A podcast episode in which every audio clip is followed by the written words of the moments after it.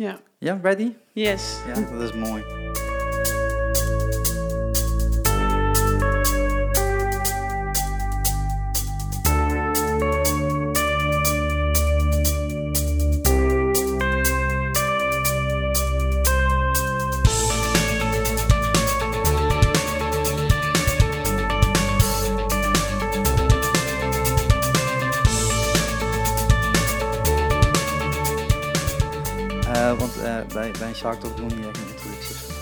Dadelijk wel, maar meer het feit van...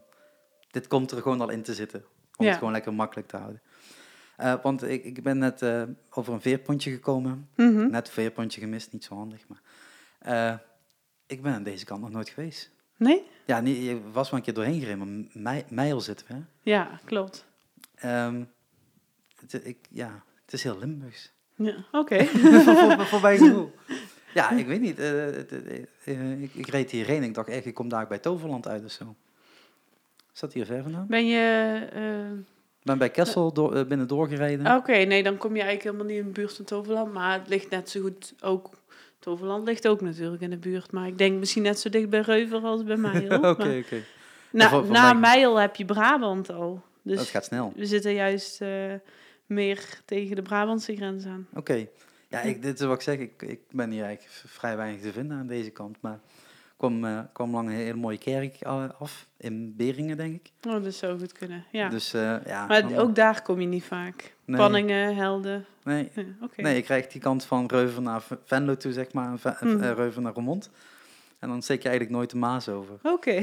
Maar dat, ja, Nou, een nieuwe ervaring om de Maas en zo. ja zoiets, zoiets zal het zijn. Moet ik even, eh, even checken dat ik deze wel een beetje uit heb staan, want anders gaan we daar weer eens overal piepjes horen. Dat is ook Mhm. niet de bedoeling, wat ik al dacht. Die begint gewoon al te piepen. Die moet er dan uit. Nou, hey, dan ben ik er wel ongeveer helemaal klaar voor. Ehm, want we zitten vandaag eh, met eh, Daisy Gubbels. Mhm. En dan staat de titel eronder art artiestenpsycholoog, toch? Ja, klopt. Ja. In een heel mooi gebouw. Ik heb de auto gewoon om de hoek gezet. Ja, achter de poort, denk ik. Achter de poort, ja. ja. Echt gewoon aan een, aan een openbare weg. Mhm. Eh, leuk klein kamertje. Meer heb je ook niet nodig, toch? Nee, ja, ik zit in een oude boerderij. Ehm, dus, eh, en daar heb ik eh, mijn praktijk met een eigen ingang. En eh, ja, heel veel ruimte heb je niet zo. Inderdaad, niet per se nodig als psycholoog om eh, met iemand gesprekken te voeren. Ja. Eh, want eh, ja, in mijn hoofd, maar dat is echt helemaal fout natuurlijk. Ik had hier zo'n bank verwacht waar je erop moet gaan liggen om die gesprekken te voeren. Maar eh, nee, gewoon lekker twee comfy eh, chairs en... eh, Ja, nee, ja, en, en de meeste hebben, als je dan puur over de psychologie hebt, dan hebben de meesten toch wel altijd een beeld van een beetje stoffig, maar misschien ook wel zelfs wat decadent en ja, de grote boekenkasten met oude dingen. En, maar ja, niet iedereen is Nee, eh, eh, 65 jaar en Nee, maar wij zijn ongeveer dezelfde leeftijd volgens mij. Ik ben 31. Ja, ik 32. Ja, ja. Ehm, wo- wo- word je daarop aangekeken op de leeftijd? Tot mensen dan inderdaad zeggen van eigenlijk Eh. verwacht ik iemand. Ehm, nou, sowieso niet zozeer aangekeken. Eh, ik denk wel dat er. ehm, ja, dat, dat, dat mensen die een psycholoog kiezen of een coach kiezen, dat die wel. eh, dat ook leeftijd daarin beïnvloed wordt. Dus dat, eh, dat er sommige mensen wel liever een wat oudere man of vrouw hebben waar ze tegen praten. En anderen hebben juist dat ze het heel fijn vinden om tegen een jonger iemand te praten waar ze wat meer affiniteit mee hebben. Uiteindelijk heeft het heel weinig met jouw vaardigheden te maken. Ehm, dus je zult ook zien na zo'n eerste gesprek kunnen best zo mensen ooit bepaalde vooroordelen hebben. En uiteindelijk komt het dan toch neer op wat jij doet in je werk. En daarbij moeten mensen een bepaald gevoel hebben van dit werkt bij mij of dit werkt niet bij mij.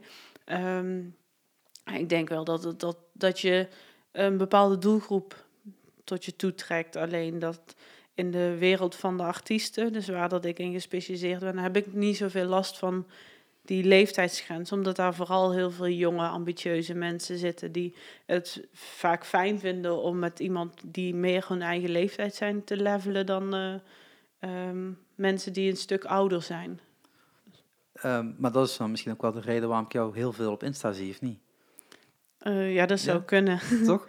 Ja, je, je, moet- je, je moet toch een beetje mee met, eh, met hoe de wereld op dit moment in elkaar zit, hè? En zeker de artiestenwereld. Want Ja. er zijn natuurlijk heel veel op socials te vinden en die vinden jou natuurlijk dan ook. Want eh, als je gewoon jouw naam op, op, Google invult, is het ook meteen de eerste hit die, je- die je krijgt. eh, je praktijk.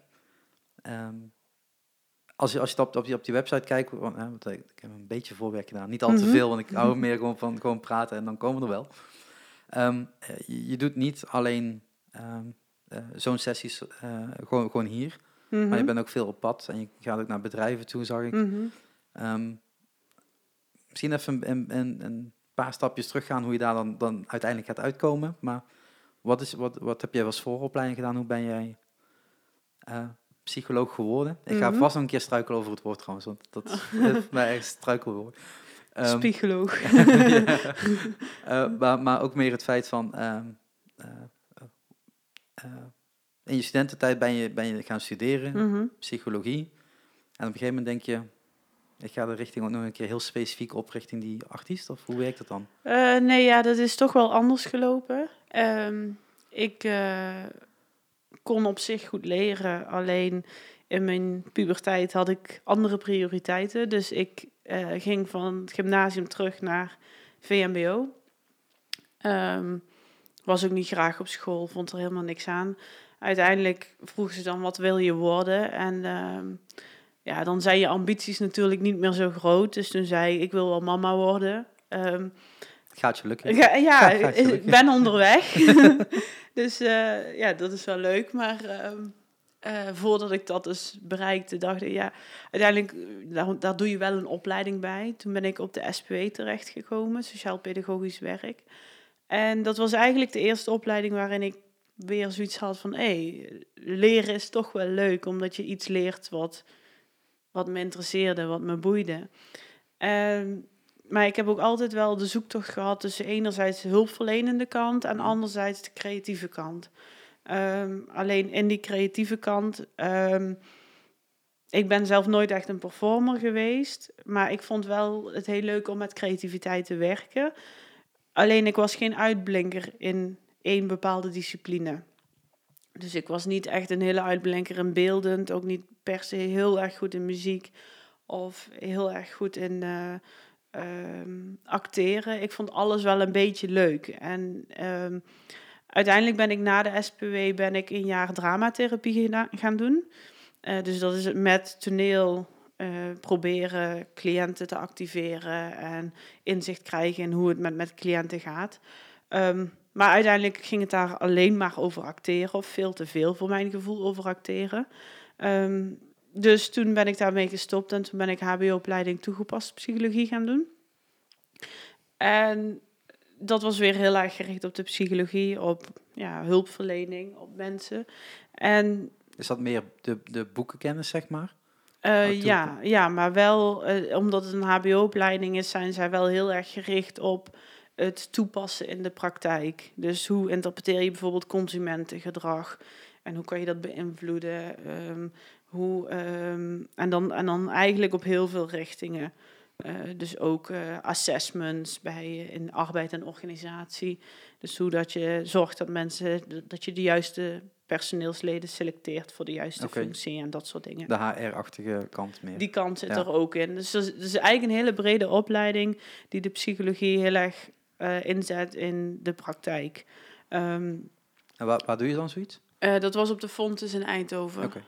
En ehm, tijdens die opleiding, ehm, ja, op een gegeven moment dacht ik, ik moet met afstuderen, moet ik in ieder geval iets gaan pakken wat mij boeit en blijft boeien. En ehm, eh, je, mo- je was vrij in het kiezen van een, van een probleem of een onderzoeksvraag.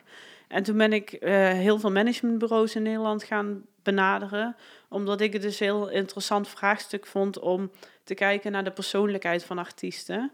Ehm, omdat in mijn beeld op dat moment zou je als artiest heel zakelijk moeten zijn. Eh, of al op relatief jonge leeftijd vrij ondernemend en zakelijk. Ehm, maar dan dacht ik, ja, dan moet je ook punctueel zijn en dan moet je afspraken nakomen. En, dan... en aan de andere kant dacht ik, ja, als artiest moet je eh, gevoelig zijn, want je moet creatief zijn. En, Het zijn eh, twee totaal andere disciplines eigenlijk. en ik dacht, eh, hoe kan dat? Kan, strookt dat wel met elkaar? Iemand die emotioneel wat labieler is, is vaak heel creatief. Maar ja, die is weer niet echt heel punctueel. Dat was een beetje mijn voorbeeld. En dat was een beetje het vraagstuk waar dat ik uiteindelijk ging zoeken naar een afstudeeronderzoek. En toen ben ik uiteindelijk bij een managementbureau terechtgekomen. Ehm, waar eh, onder andere Ruud Veldkamp ondergebracht is. Dat is een jongen die in goede tijden speelt. Ja, En ehm, ik zeg nu wel ja, maar ik kijk geen goede tijden. dat maakt niet uit. en eh Ferry Doenens, die zat daarbij. Die, speelde ook een goede tijd. En een aantal van die jonge jongens die op, op dat moment ook vrij veel succes hadden. Ook vanuit hun looks en hun uitstraling. Mooie jongens. En ehm, we zijn toen tot een onderzoeksvraag gekomen hoe dat zij op de lange termijn succes kunnen behouden. Benaderd vanuit de psychologie. Dus wat... Ja, wat, wat Jezelf bij? klaarmaken voor de toekomst. Ja, want, want, want uiteindelijk zullen ook looks zullen verdwijnen. Je kunt niet altijd blijven leven op bijvoorbeeld eh, gillende 16-jarige meisjes. Op een gegeven moment raak je uit die markt. Of, ja, en wat is je focus en wat zijn je valkuilen? En, eh, dat is wel een heel zakelijke benadering. Hè? ja. ja, maar ook wel een heel... eh, Zijn zij er überhaupt mee bezig dan? Of Nou was het ja. meer het managementkantoor ermee bezig? Nee, ja, van tevoren waren ze daar niet mee bezig. Ehm, maar toen dat ik daarmee ging bemoeien, toen ehm, ging er eigenlijk voor ons beiden een wereld open. Dus zij hadden zoiets van, wauw, er is heel veel vanuit de psychologie te verklaren in ons werkveld. Eh, Zoiets als als je dus, ehm, die Ruud die draaide eh, nog steeds als DJ. En die heeft dan heel veel van die 16, 15-jarige meisjes die gillend aan die DJ-boot met een telefoon staan. En dat is, kan soms best wel intimiderend en bedreigend overkomen. Maar op het moment dat jij snapt waar dat, dat gedrag van zo'n meisje vandaan komt, dan is het al een heel stuk makkelijker om dat te relativeren dan wanneer jij denkt, oh wat zijn die meiden hysterisch. Of eh, ehm, zo'n zo'n kleine dingetjes merkten we van dat ik heel veel van het gedrag wat daar afspeelde kon verklaren. Ehm, ja, en zij waren ook heel hebberig van, goh, hoe zit dit dan in elkaar? Hoe zit dat dan in elkaar? En dat is een beetje het, het brandend vuurtje geweest. ehm, dat was dus in 2013, 2012, 2012. Dat was een brandend vuurtje geweest om te zeggen, hier kan ik meer mee. En hier mag ik meer mee en hier wil ik meer mee. Ehm, en toen heb ik nog op de Open Universiteit heb ik mijn ja, heb, heb ik op universitair niveau dus de psychologie nog afgerond na die opleiding. En ehm, ehm, hoe, hoe ik dan uiteindelijk dan tot mijn praktijk ben gekomen, is dat ik vanaf dat moment vooral bezig ben gegaan met artiesten benaderen en vragen, kan ik met jou een diepte-interview houden? Puur vanuit eigen interesse, van hoe zitten mechanismes in elkaar en kan ik misschien gemeenschappelijke delers ontdekken? Dus misschien hebben al die artiesten wel een heel verknipte jeugd gehad of eh, noem maar op. Soms, so- sommige dingen daarvan lees je inderdaad van, eh, van artiesten dat je denkt, ah maar ja, omdat het zo moeilijk is geweest vroeger, is het dan zo afgelopen. Maar ja, het is niet altijd natuurlijk zo. Nee, ja, dat Het- zijn dus twee zijden. Ja. Er, er zijn artiesten die ehm, eh, heel succesvol zijn geworden doordat ze juist een hele moeilijke jeugd hebben gehad. En, maar er zijn ook artiesten die juist heel succesvol zijn geworden doordat ze een hele stimulerende en fijne jeugd hebben gehad, waarin ouders altijd mee hebben geholpen om ze te stimuleren en overal naartoe te brengen. Dus, maar het is wel vaak het een of het ander. Maar doordat ik die gesprekken ben gaan voeren, kwam op een gegeven moment steeds vaker de vraag van die personen van, oh Daisy, ik sta voor die keuze, of ik zit op dit moment niet zo lekker in mijn vel, of eh, wat moet ik doen daarover. Dus er kwamen eigenlijk hulpvragen, omdat mijn netwerk automatisch groeide. En eh, zodoende is eigenlijk mijn hele praktijk ontstaan. En dan, eh, ehm, hoe moet ik dat zeggen? Dan werk je met, met artiesten Mhm, eh, die dan jou eh, beginnen vragen te stellen. Jij weet ook nog Mhm. niet overal het antwoord op, denk ik zo. mhm. Dus dat is gaandeweg, de afgelopen jaren is dat steeds duidelijker voor je geworden. Maar is binnen psychologie en binnen zo'n vraag altijd een kan-en-klaar antwoord? Of is het heel veel toch zoeken naar, oké, in welk, eh, welke cyclus zit jij nu en waar bevind jij je nu en, en, en dan daar een uitweg? Of Nou ja, nee, er, er zit, is sowieso denk ik nooit een kant-en-klaar antwoord. Ehm, de psychologie is aan zich geen exacte wetenschap. Dat waar we 50 jaar geleden zeg maar, vanuit de psychologie in geloofden, dat is nu weer ontkracht. En dus je ziet ook dat stromingen, dat dat, dat met periodes heel erg verschilt.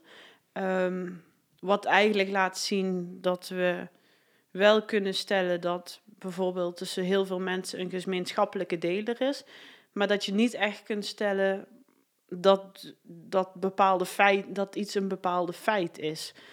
Ehm, Maar dat heeft denk ik ook te maken met een veranderende wereld, denk dan. ja, Als je en- 50 jaar geleden keek, was het net na de oorlog.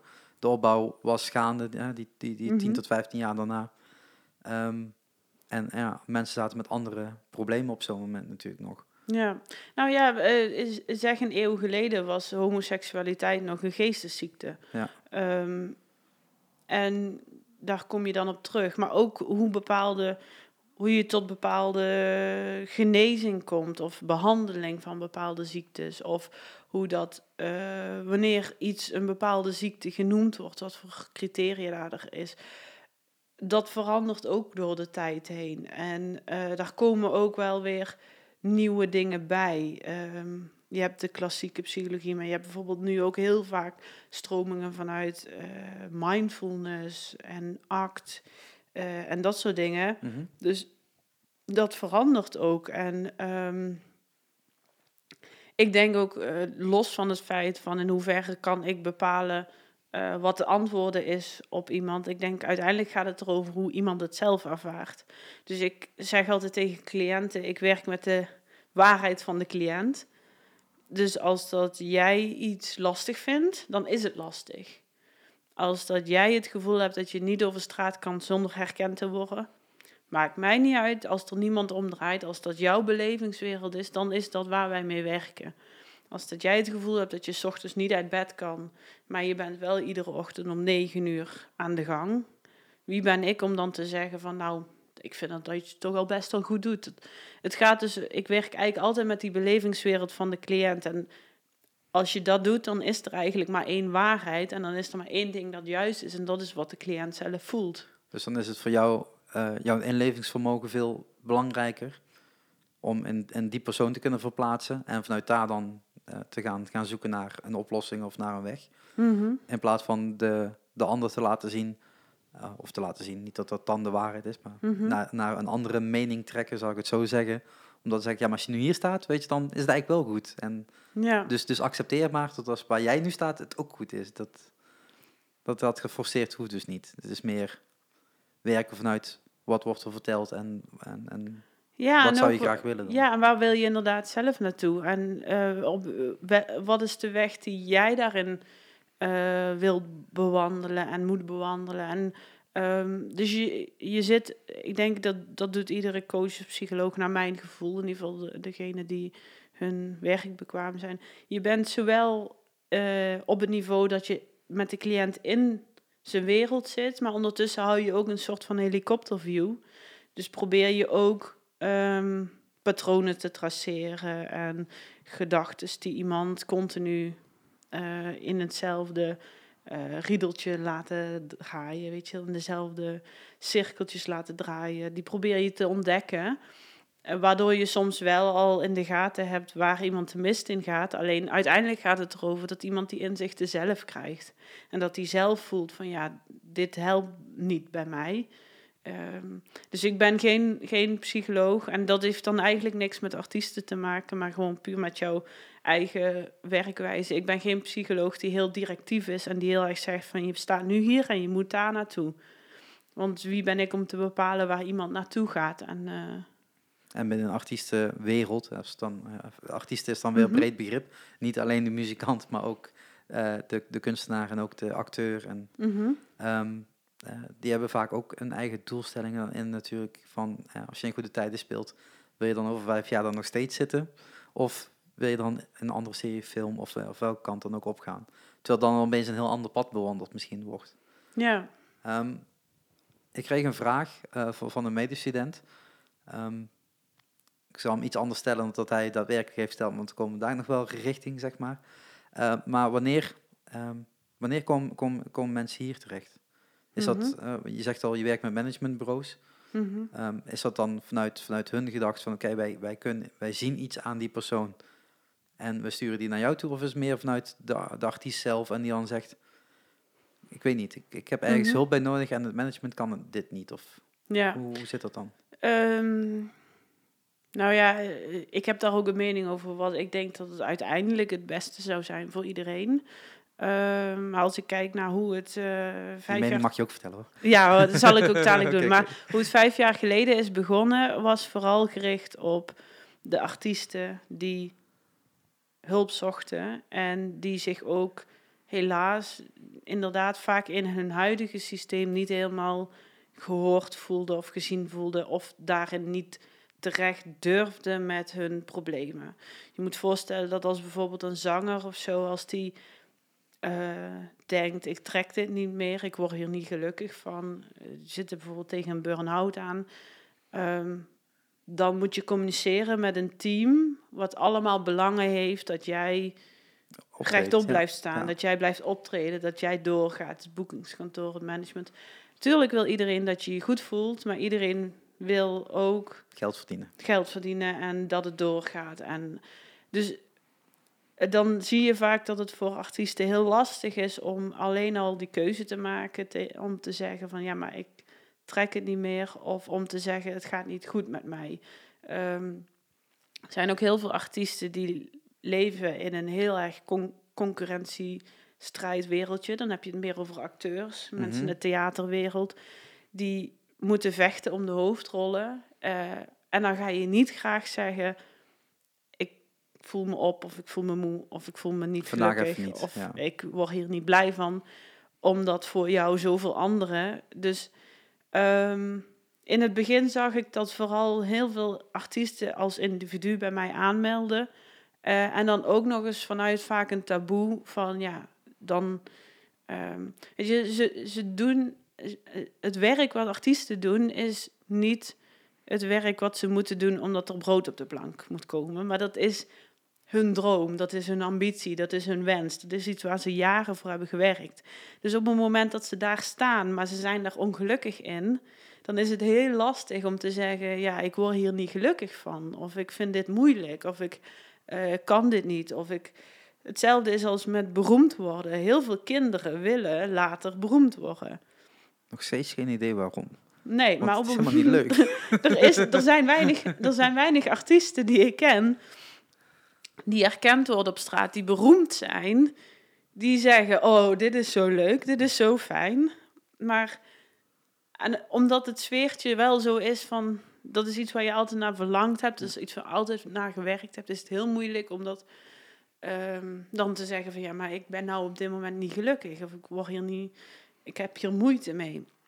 Dus, dus heel veel eh, cliënten melden zich aan en gaven daar zelfs vaak nog bij van doe het maar op mijn hotmail, dan ziet mijn management het niet, et cetera. Dus dat het Dat Echt heel pijnlijk, ja. in de taboesfeer Ja. zat. En ehm, nu de, in de loop der jaren, door de eh, aandacht die je eraan blijft richten, dat het normaal is, dat ik, er, dat ik mijn bro- brood eraan verdien, dus dat er genoeg cliënten zijn, ehm, dat er steeds meer media er aandacht aan hebben gegeven dat het bestaat, ehm, zie ik nu een verschuiving dat eh, steeds meer managementbureaus en eh, mensen die om artiesten heen zitten, producenten, dat soort zaken, dat die ook hun verantwoordelijkheid nemen en in ieder geval de mentale kant van het vak gewoon serieus aan het nemen zijn en eh, investeren in talenten, in artiesten, ook op mentaal niveau. Ehm, Ja, hierbij raak je wel een punt waar ik me dus bijvoorbeeld aan stoor binnen mijn opleiding. Wij, wij, wij hebben in drie jaar tijd, dadelijk drie jaar, nu is het tweeënhalf Mhm. jaar, eh, één sessie gehad. mhm, En that's it. ja. Dus een artiestenmanager, in ieder geval, hè, hetgene wat wij kunnen gaan worden met music Mhm. management, is dan niet alleen maar artiestenmanager, maar ook nog wel meer facetten binnen de Mhm. muziekwereld. Ehm, één sessie van een Belgische psycholoog, denk ik. Van nog geen twee uur. En that's it. En dan Ja. denk ik van ja, maar dat, dat klopt niet. Ik denk dat juist de jonge eh, managers, ik zeg niet dat ik zelf jong ben, de rest van de klas is een stuk jonger, eh, tot, tot die wel veel meer gewapend moeten zijn van, en die bagage moeten meekrijgen van oké, als jij met een jonge artiest gaat werken, weet dan dat Ja. er natuurlijk van alles kan gebeuren en van alles op het pad komt wat die artiest nog helemaal heeft, niet heeft meegemaakt. Ja. En eh, voor mij is dan het voordeel dat ik wat ouder ben, waardoor ik misschien nog wel iets meer inzicht heb in het feit van oké, wat waar loop je dan allemaal tegenaan en wat is er allemaal gebeurd? Ehm, maar ja, iedereen werd natuurlijk op met de neus op de feiten gedrukt afgelopen jaar met onder andere Avicii. Hmm. En vorig jaar met eh, de zanger van Linkin Park. Hmm. Tot dat toch wel, dan komt het opeens heel dichtbij voor de meesten, want hè, die zijn er al fan van of die hebben daar toch een, een enige band mee. Hmm. Ehm, en dan denk je, ja, dan- dan heeft, hè, dan zeg je meteen, hij heeft misschien zelf niet goed gecommuniceerd. Maar aan de andere kant, management heeft dus blijkbaar ook niet opgelet. En als ze wel hebben opgelet en ze hebben dit bewust gedaan en bewust doorgedrukt, ja, dan zijn we natuurlijk helemaal fout bezig binnen de muziekwereld. Nou ja, ik denk wel dat het een hele lange tijd is, ehm, de muziekindustrie, maar ik denk ook andere vakken en wat ik onder artiesten beschouw, zijn heel veel self-made, eh, is een heel vaak een self-made industrie geweest. Van het- een aantal hele belangrijke influencers, die mensen die in Nederland en eh, die gewoon heel veel invloed hadden, waar dat je onder moest vallen, waar je die, die jou konden maken of breken als artiest, zeg Mhm. maar.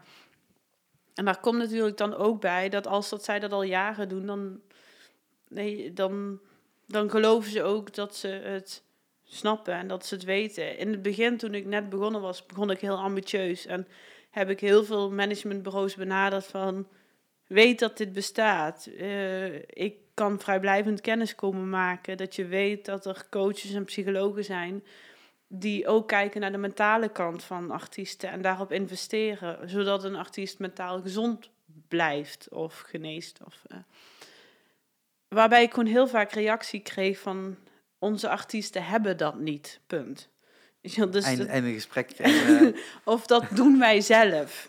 Of, ehm, en dan is inderdaad de vraag, wat doe je dan zelf? Ehm, eh, want ik denk inderdaad dat het heel waardevol is dat de mensen die met artiesten werken, maar ook artiesten zelf, dat er gewoon kennis komt van oké, wat houdt dat dan in? Weet je, wanneer, wanneer gaan moeten de alarmbellen gaan rinkelen?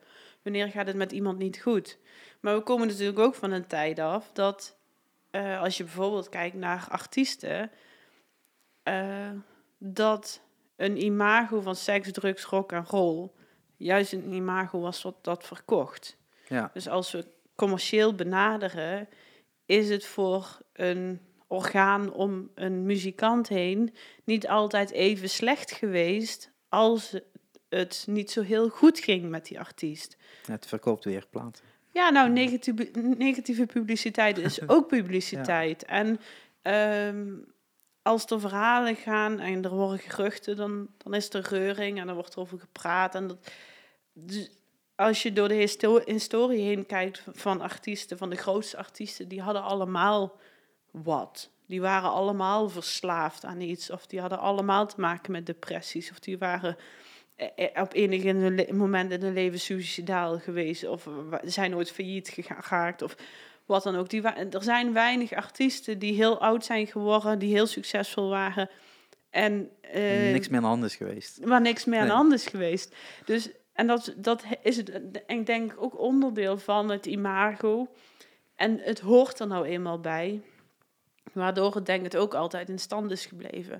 Maar nu dat we steeds meer naar een individualistischere eh, maatschappij zijn aan het groeien, gaan denk ik ook al die artiesten steeds meer denken: wil ik dit wel?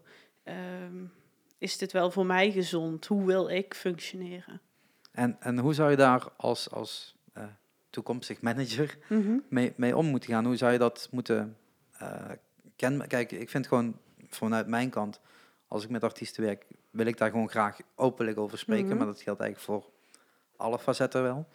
Eh, ik vind het sowieso handig om opener te spreken met artiesten dan tot je misschien gewend bent. Mhm. Ehm, omdat je daardoor inderdaad wat meer problemen ook misschien wat eerder kan tackelen. Ja. Ehm, eh, veel artiesten zijn er toch nog redelijk gesloten in, merk ik, wat Mhm. gewoon jammer is. Ehm, maar maar wa- wanneer zou je dus... Hoe, hoe zou je een symptoom kunnen eh, herkennen daarin? Of is het eigenlijk nog veel raadzamer als je gewoon met een artiest begint te werken van... Hey, we gaan dit doen, we gaan concerten boeken, we gaan eh plaat opnemen en jij gaat daarbij nu al, misschien is er nog niks, Ja. werken met een, een, een, een coach of een, een hulptroep vanuit extern. Nou ja, dat is dus wat ik nu steeds vaker wel zie. En dat is ook steeds vaker dat managementbureaus en dergelijke mij inschakelen van... eh, wij begeleiden die talenten en ongeacht wat ermee is, wij willen dat ze met jou een keer een gesprek hebben. En ehm, dat is dus eigenlijk al een hele kanteling die heel erg goed is, omdat er dan iemand een soort van vinger aan de pols kan houden. Dat ze al een persoon hebben waar ze een soort van vertrouwensband bij hebben en waar ze al, ehm, ja, waar ze al bij terecht kan. Die drempel die wordt dan al lager. Ehm, maar ik, wat, ja, wat, wat, wat ik denk ik heel belangrijk is, is dat de visie van. ehm, kijk, als psycholoog of als coach ga je nooit. ehm, ik denk dat er heel veel managers bang zijn dat voor de gevolgen die coaches en psychologen eh, kunnen hebben op de carrière van een artiest. Dus die zouden adviseren: stop er maar mee, of doe het maar niet, of jij moet nu even een pauze hebben. Weet je wel, ik denk dat er managers zijn die op de korte termijn ehm, ja, bang zijn voor die gevolgen. Ehm, maar ik denk dat de trend dat van hoe kan een artiest op de lange termijn succes behouden, heeft wel te maken met een bepaalde mentale weerbaarheid en een, een mentale gezondheid.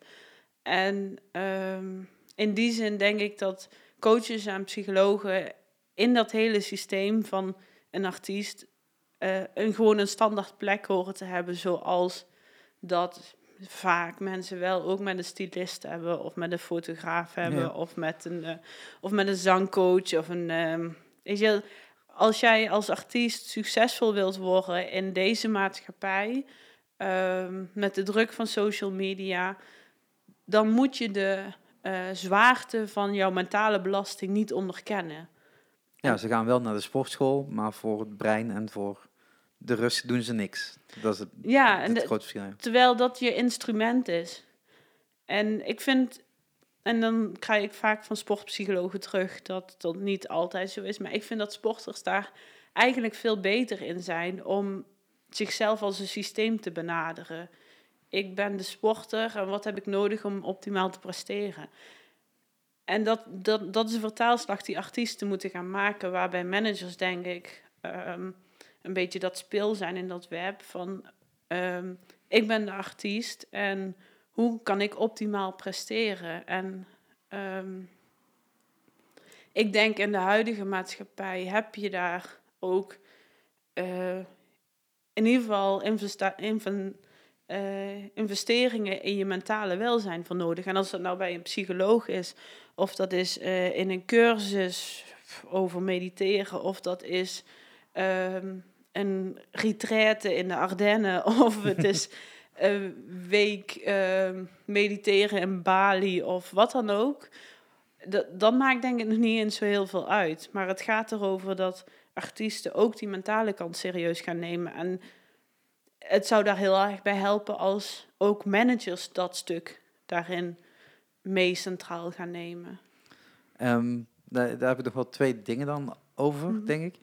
Eh, aan de ene kant wilde ik zeggen, eh, binnen grote bedrijven, grote concerns, Mhm. is het natuurlijk ve- veel normaler om iemand daar te hebben zitten. Niet zo vanuit de HR-kant, maar vanuit eh, eh, hulpbewuste kant.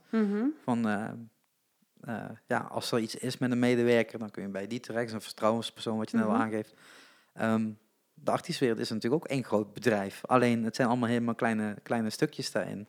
Mhm. En ik weet eigenlijk niet, als een, als een grote platenlabel daar misschien sterker in staat en, en misschien wel in huis zou hebben. Mhm. Terwijl na een klein eh, label of een, een klein managementkantoor, dat heeft vaak ook de, de, de resources niet om dat in huis te hebben. En ze nou, misschien nog wel die drempels denken van, dan fix ik het zelf wel, of dan ga ik Mhm. er zelf van mee aan de slag, want dat bespaart ook wel geld. Zo simpel is het natuurlijk ook. Mhm. Ehm, ja, dat is natuurlijk iets wat, wat, wat zou moeten veranderen. Naar Ja. richting, richting de toekomst, maar nou, nog wel wat tijd met zich mee zal eh, ver, hoe noem je dat dan?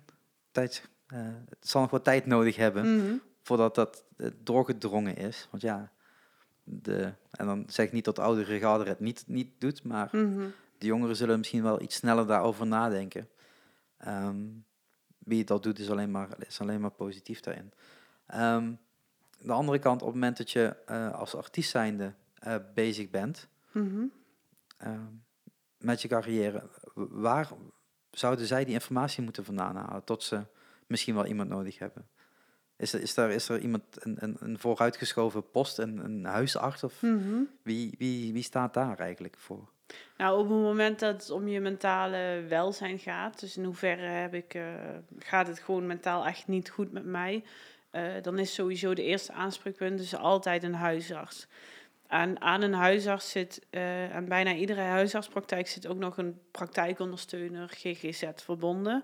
Dat is dan weer iemand die wat laagdrempeliger ook kan coachen op het moment dat je niet goed in je vel zit.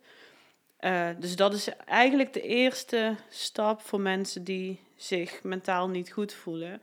Ehm, en zo'n huisarts kan dan altijd kijken waar ga je dan naartoe. Ehm, het lastige in Nederland en wat ik dus, waardoor dat ik dus me ben gaan specialiseren, is dus ehm, dat naar mijn idee zijn artiesten hebben te maken met eh, dermate specifieke stressfactoren en mentale uitdagingen. ehm, dat zij heel vaak niet begrepen worden door reguliere psychologen en coaches. En ja, ik heb artiesten hier gehad die zeiden van ik ben bij een psycholoog geweest. Maar die zei, ehm, oh wat leuk dat je er bent. Ja, casussen zoals jij zijn de kersen op de taart. Dus Jee, fijn dat je zo omschreven wordt. ja, dus je komt dan al en je hebt al moeite met dat je herkend wordt op straat en et cetera. En dan gaat ook nog eens jouw psycholoog of jouw coach het ook nog eens benaderen als zijn nou wat leuk dat je hier bent of wat dan ook, Ja. zeg maar. Leuker dan dat Piet of Jan hier zou Ja. zijn. Eh, maar ook wel mensen die zeggen van ja, ik word overal herkend en als ik naar een restaurant bel, dan is er altijd plek. En ik ben bang dat dat zo dadelijk bijvoorbeeld weggaat of de privileges. En die worden dan bijna als narcistisch omschreven. Terwijl het niet zozeer gaat om wat zij in zichzelf beleven, maar hoe de buitenwereld met hen omgaat. En als jij bekend bent, dan gaat de buitenwereld met jou om dat ze jou op een voetstuk plaatsen. Dus ehm, Ja, vroeger werd er natuurlijk heel erg naar gezien van nee, maar je hebt dat bereikt, dus je mag daar eh, niet zozeer, want in Nederland kennen we dat trots zijn natuurlijk wat minder, maar meer het feit van, weet je, hij staat daar, dus, dus, dus accepteer dat en joh, het hoort er allemaal bij het vak. mhm. Ehm, terwijl het eigenlijk, ja, als jij eh, een ander baantje hebt, het echt niet bij je vak hoort om eh, op handen gedragen te worden en ja. eh, als je inderdaad ergens heen belt, eh, de deuren open gaan. Nou ja, ik denk dat het bij het mechanisme hoort waar dat ook, als we dan toch weer over het geld hebben. Kijk, het, het, is, een, het is ook een commercieel iets, artiesten. Want het heeft altijd ook te maken met dat er consumenten aan vastzitten. Want jij bent als artiest nooit succesvol. Kijk, als muzikant ben je niet succesvol als je niet geboekt wordt, of als jouw platen niet gedraaid worden, of als er geen luisteraars zijn. Of, je, je moet, jouw product moet geconsumeerd worden, wil je voortbestaan. Ehm, en in die context, ehm, wat wil ik nou zeggen? Ehm, Ja, op het moment dat je, eh, als het er wel of niet bij hoort, ja, dat, het, het, het hoort er dus bij eh, dat je dus ook herkend wordt op straat. Want uiteindelijk heeft dat, is dat een gevolg ook van dat wat jou succesvol Mhm. maakt.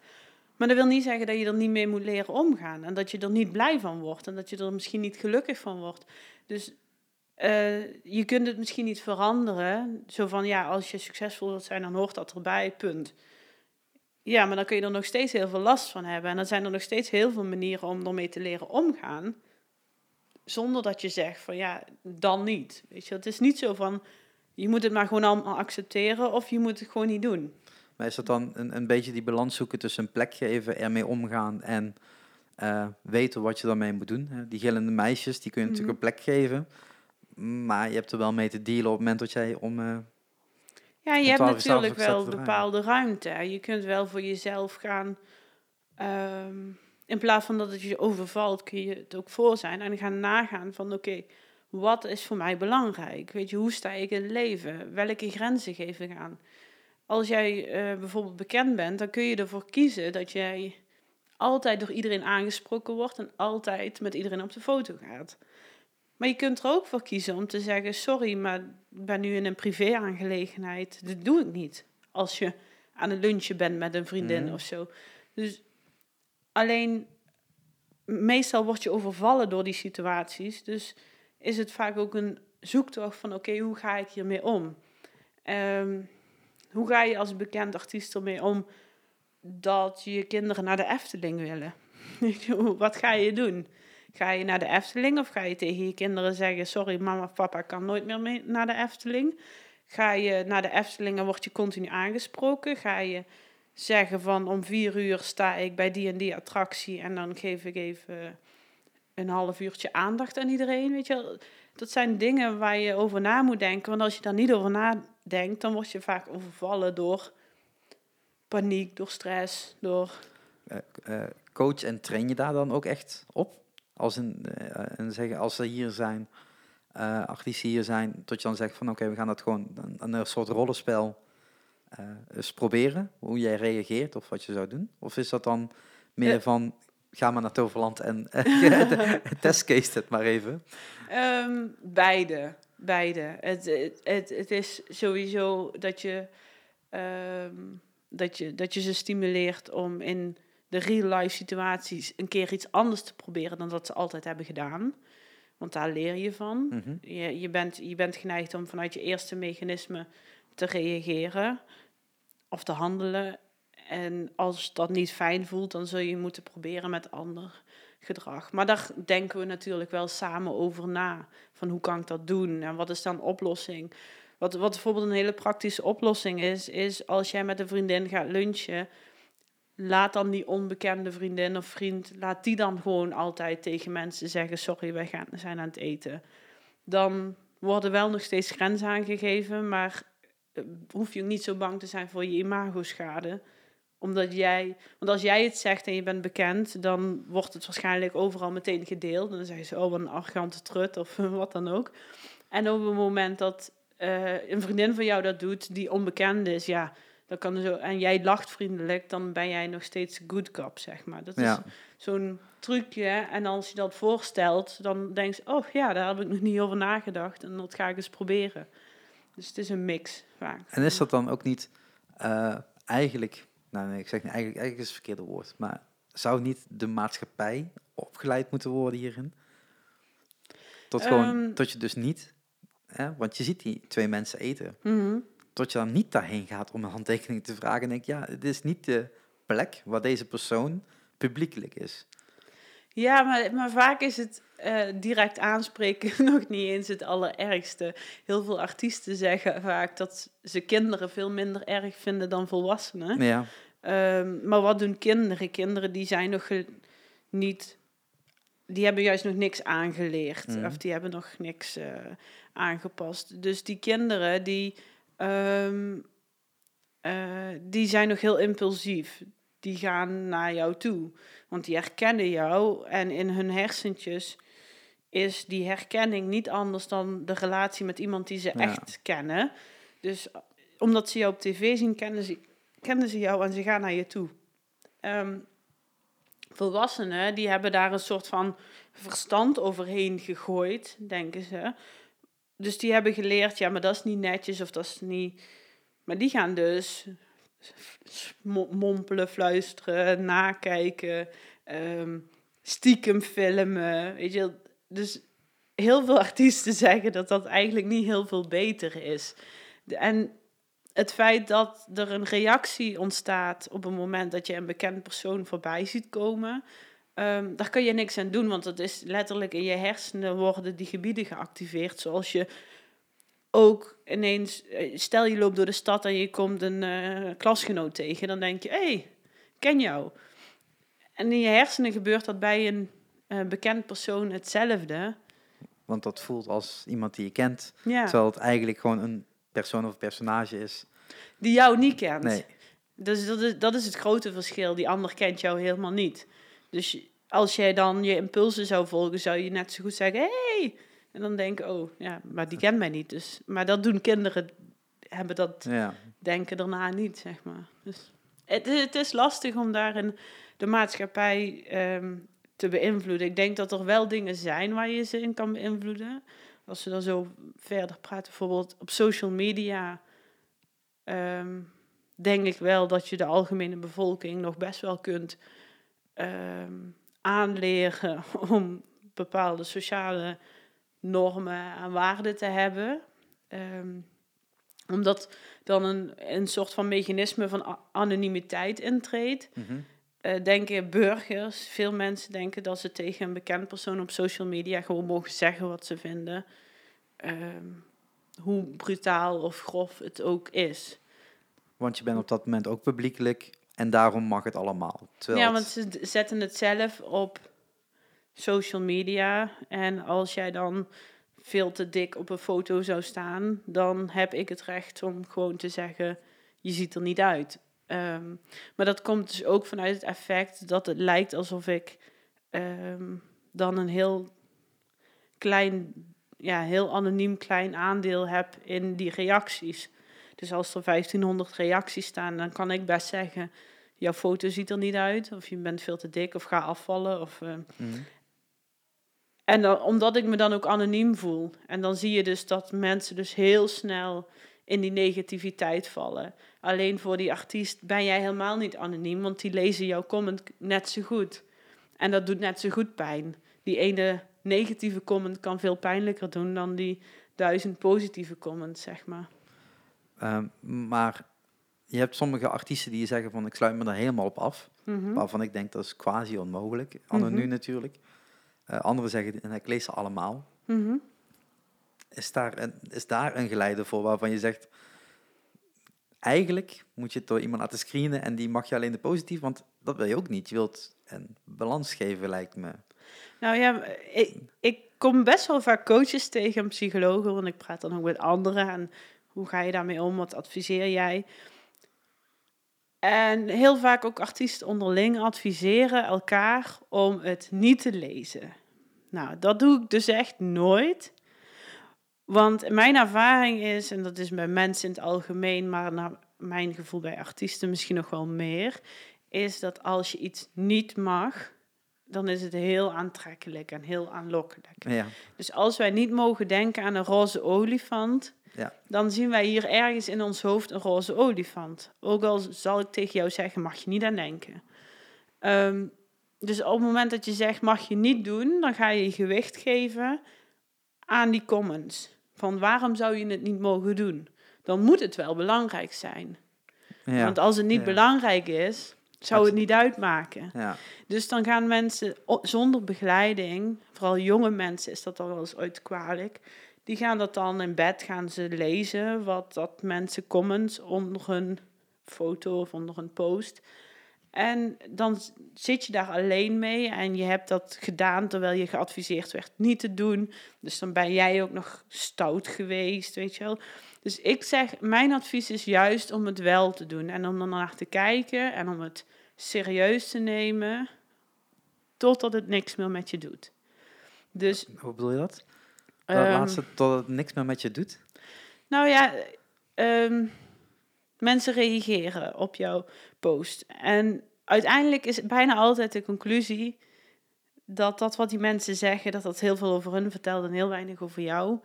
En dat je daar, ehm, ja, dat je daar geen waarde aan moet ontlenen. Ja. Ehm, maar dat is een rationele gedachte. En dat is niet dat wat je in die eerste instantie voelt wanneer dat mensen jou allemaal afzeiken. Ehm, maar de enige manier om te komen tot, weet je, die mensen kunnen schrijven wat ze willen. Ik moet bij mezelf blijven en ik moet mijn eigen koers blijven varen en ik moet doen wat voor mij goed voelt. De enige manier eigenlijk om daar te komen is om daar gewoon doorheen te gaan. Door eens te kijken naar die comments. Waarom doen die pijn? Wat zeggen die? En als dan mensen tot de conclusie zelf komen van, jeetje, die mensen hebben niks beters te doen.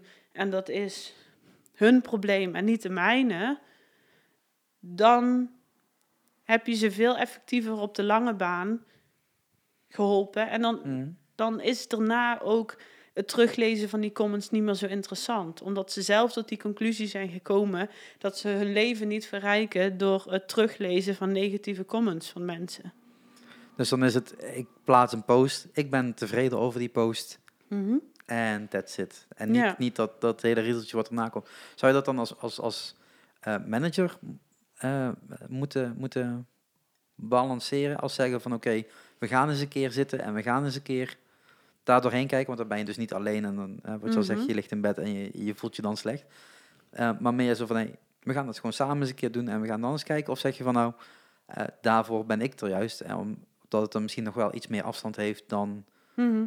Ja, en ook niet alleen iets meer afstand, maar omdat alles wat ons pijn doet, heeft ook een waarheid. Anders doet het ons niet pijn. Oké. Ehm, dus de negatieve comments die ons raken, hebben wel een. Die raken ergens in onze onzekerheid. Kijk, we kunnen. Je kunt iets posten en. ehm, er zijn twee mensen die reageren daarop. De een zegt: eh, Je zingt lelijk, en de ander zegt: Je ziet er lelijk uit. Doorgaans hebben mensen moeite met ofwel ehm, commentaar op hun vaardigheden, ofwel commentaar op hun uiterlijk.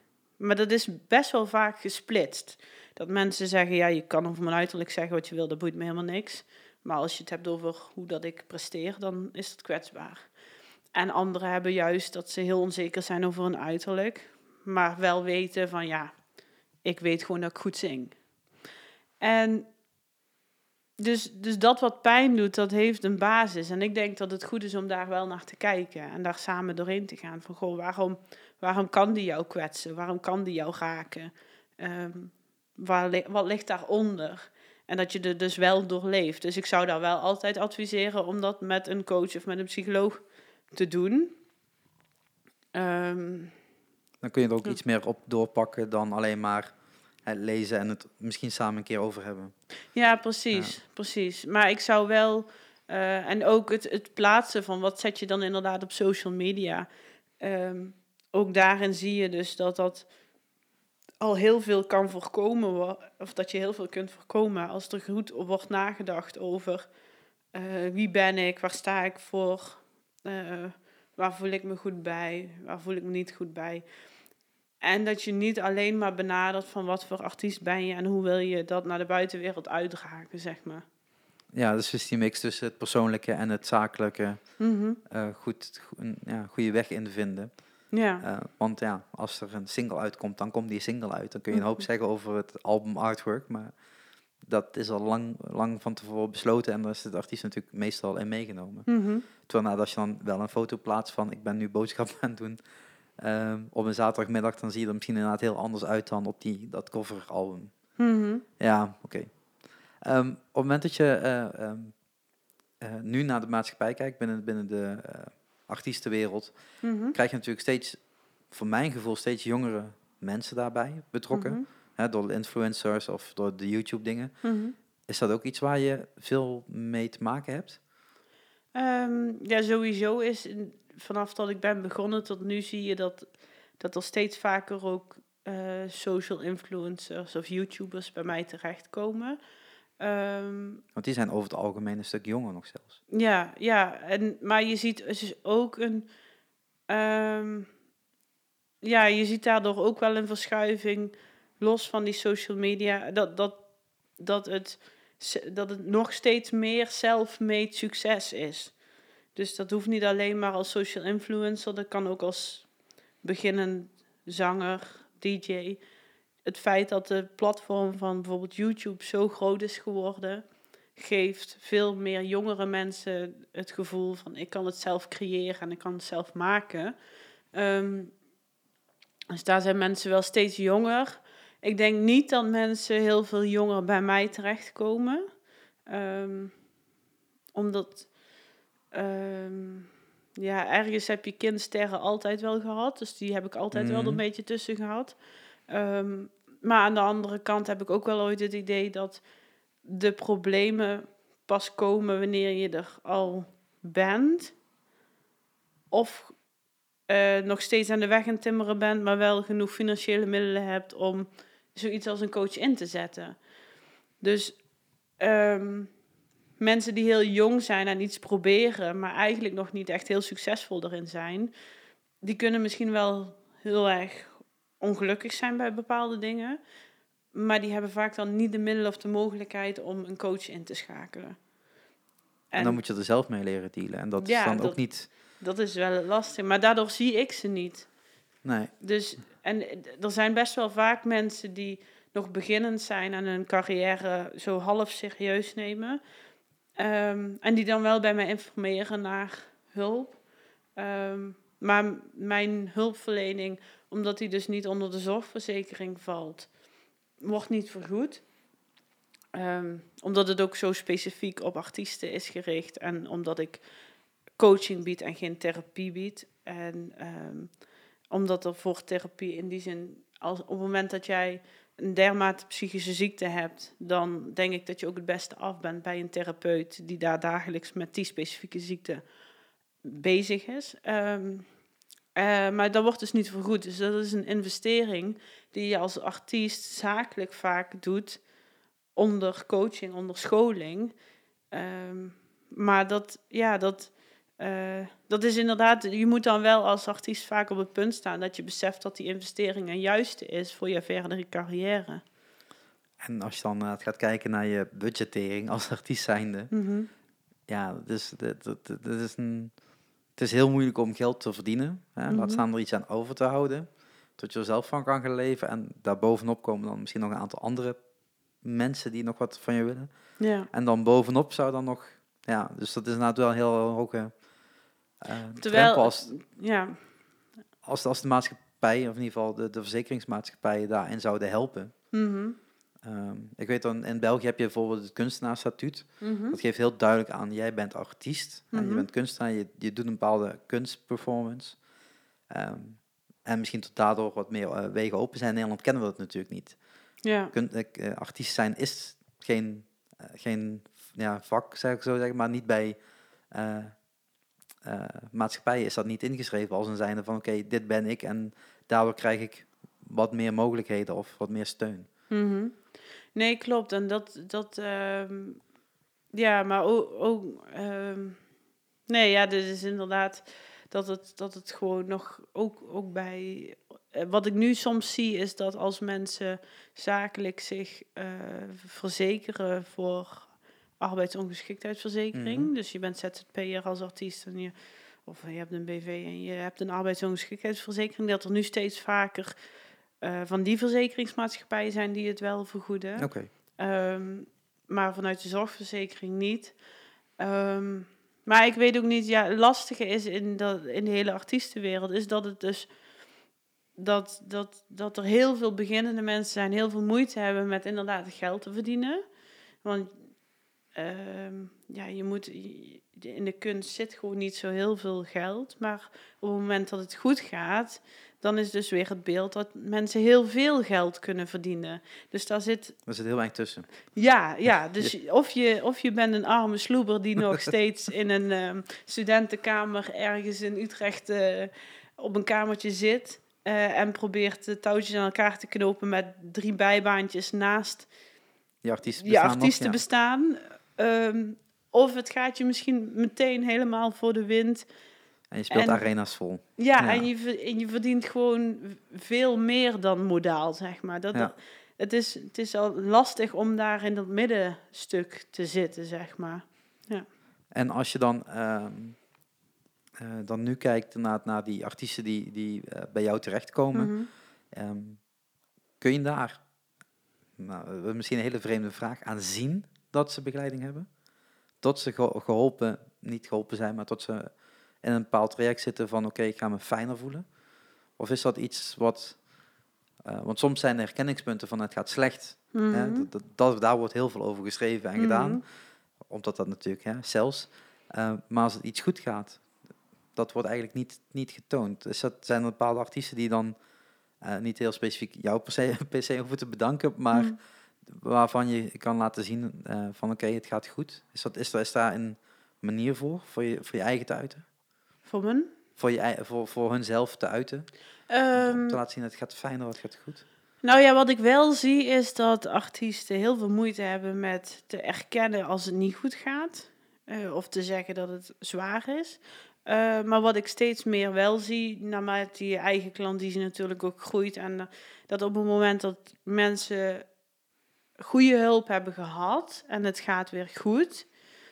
Ze zijn bijvoorbeeld uit een burn-out gekomen of ze hebben een tijd, ging het gewoon niet goed met ze en ze zijn weer gelukkig met hun werk. Of ze hebben een carrière switch gemaakt. Of ze zijn in hun muziekstijl zijn ze een andere richting op gegaan, waardoor ze zich veel beter voelen. Of noem maar op. Dan zie je wel dat ze vaak retrospectief, dus met terugwerkende kracht, durven ze in interviews vaak wel te zeggen. Ik heb ooit een coach gehad, of ik heb ooit een psycholoog gehad, of ik heb heel veel hulp daaraan gehad. Of ik... Dus je ziet dat er een heel groot taboe heerst op het moment dat mensen erin zitten of eh, eigenlijk nog ervoor staan en hulp nodig hebben. Maar je ziet steeds vaker dat er nu eh, artiesten en bekende personen zeggen van ik heb hulp gehad of ik heb toen een donkere tijd gehad. Dus ehm, ik denk juist dat het veel zichtbaarder is op het moment dat het goed gaat dan op het moment dat het niet goed gaat. Want oh, wij denken dat het altijd goed met ze gaat. Ja, ik kwam toevallig van de week ergens een, een, een plaatje tegen. Eh, natuurlijk op Facebook, waar anders. Ehm, eh, daar ging het over inderdaad van eh, natuurlijk alle artiesten, en dan spreek ik even muziek, nee, muziek en, en, en acteurs, die de afgelopen jaren eh, overleden zijn, Mhm. met allemaal een glimlach. En dan werd er gezegd, dit is het gezicht van depressies. Ja. Je, je kan het niet meteen aan die buitenkant zien, en zeker niet als iemand er niet over praat. Ehm, ja, zo- zo'n Chester die dan vorig jaar eh, overlijdt in de zomer, of in ieder geval overlijdt, hè, voor Mhm. zichzelf van het leven berooft. Eh, dan denk je ook van, ja, hoe de hel? Want ja, je ziet hem alleen maar shinen, Ja. terwijl hij aan een hele andere kant, kant aan zit. Ehm, doordat nu meer artiesten over gaan, gaan spreken, Mhm. omdat die, de, de, de- misschien al de afgelopen jaren wat meer in trek is geworden om daar toch met jezelf Mhm. mee aan de slag te gaan, merk je dan ook dat er dan aan de andere kant eh, sneller eh, gepraat wordt daarover, vanuit de, vanuit de muzikant of de artiestenkant. Nee, ja, wat, wat ik al zeg, er is een verschuiving gaande dat het steeds meer ook op managementniveau normaal gevonden wordt. Eh, waardoor er ehm, ook het communiceren dat je naar me toe gaat of dat je mij ziet of anderen ziet, dat dat ook steeds minder een taboe wordt. Dus omdat het dus genormaliseerd wordt binnen de cultuur zelf. Ehm, dus dat, dat zie je wel daarin verschuiving. Dus daar ligt wel heel erg een. ehm, maar het is natuurlijk nog steeds niet helemaal daar waar je zegt, als je zegt van ja, ik, ik doe die opleiding en eigenlijk hebben wij heel weinig tot geen les van psychologen of iets in die richting. Gewoon geen nog. Gewoon Ja. geen, was Dat- één sessie en that's it. Ja, dat is eigenlijk is dat, ja, dat is gewoon heel beperkt. Terwijl Ja. je continu werkt met mensen en een heel groot deel van het functioneren van die mensen wordt bepaald door hun mentale welzijn. Eh, maar uiteindelijk ook door je eigen mentale welzijn in relatie tot die van de artiest. Want hoe zit dat dan? Eh, dit, wat, wat je nu aanhaalt, eh, zat wel ergens in mijn hoofd nog te spoken. Eh, er wordt altijd, tussen aanstekens, altijd gesproken vanuit de artiestenkant. Mhm. Maar degene die tegenover je zit, moet zich ook fijn voelen. Mhm. Als je ziet hoeveel eh, eh, managers, hoeveel ze werken, of labelbazen, Mhm. hoeveel daar allemaal eh, op zich afkomt, Ja. waar ze steeds meer moeten rekening houden. Ja, het is natuurlijk een hele rare relatie ook die ze hebben. Ehm, daar waar je... ehm, eh, hoe heet het? Daar waar je... eh, stel, stel je, hebt een manager in een bedrijf. eh, bij de Rabobank. Dan staat die manager, die staat boven je. Dus Ja, die stuurt jou aan, die wil jou ergens naartoe hebben, die- jullie hebben visie.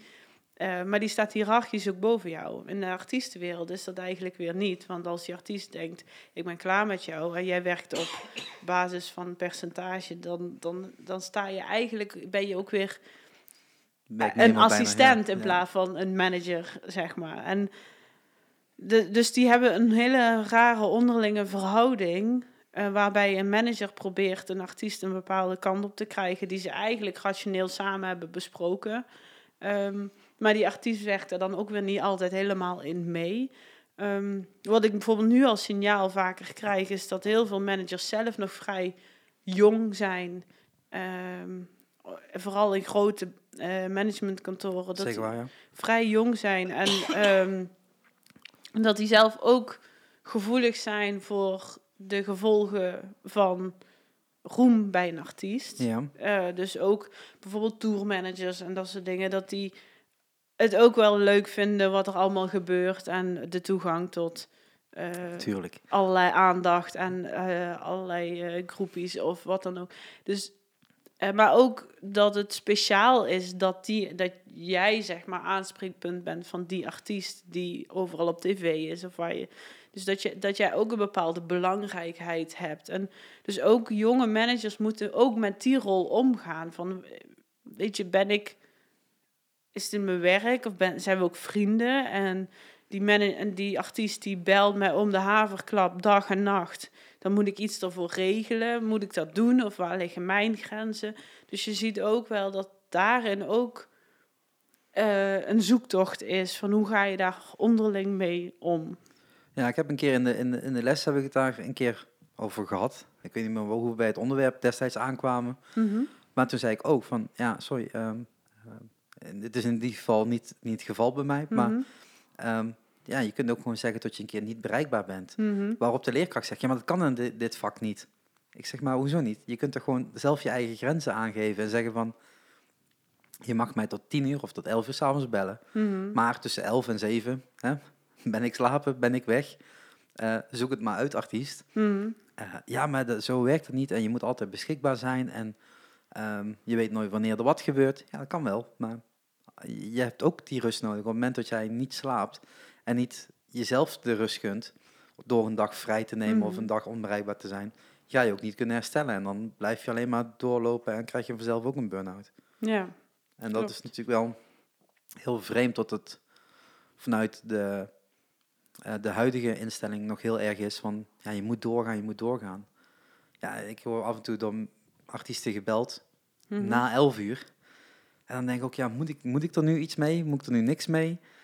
Sommige dingen kunnen prima wachten. Andere dingen, oké, ik ga wel even mijn bed uit, ik pak wel weer even Mhm. mijn laptop, ik, ik fix het wel even.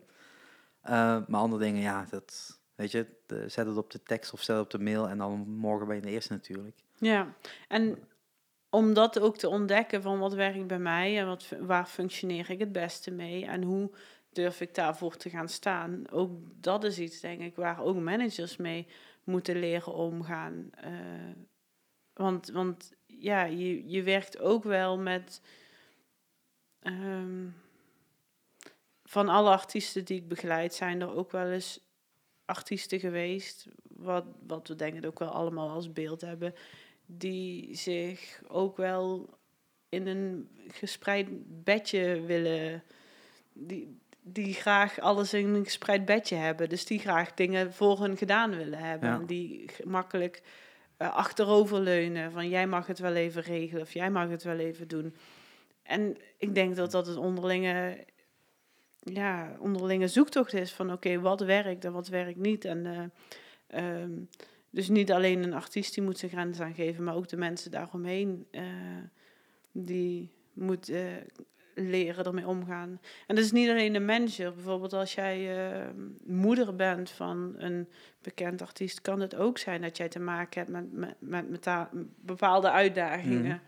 Hoe ga ik hiermee om? Omdat het gewoon een uitzonderlijke situatie is. En eh, als dat dan ehm, eh, voorkomt, naar mijn inzicht, denk van het, het, als in eerste instantie al over praten, breekt Mhm. het al. Dat zorgt er al Mhm. voor dat het kenbaar wordt. En misschien moet je dan inderdaad niet alleen praten met je manager, maar misschien inderdaad wel met de moeder nog erbij en met, misschien met het hele team erbij. Mhm. Eh, en het zou eigenlijk al heel, in een heel vroeg stadium natuurlijk aan bod kunnen zijn, komen van hé, deze persoon is iedere zaterdag vrij, want dan is hij bij zijn kind of weet ik veel wat. Mhm. Eh, eh, en daardoor moet je niet bij hem zijn op die dag, maar bij mij. Of hè, een andere dag wissel je die rollen natuurlijk om. Mhm. In een, de, ik, ik heb 13 jaar mogen werken in de, de detailhandel. Is dat Mhm. ook niet anders dan dat hoor? Daar krijg, kun je ook niet iedereen bereiken, want de mensen op kantoor die zijn daar gewoon van 9 tot 5.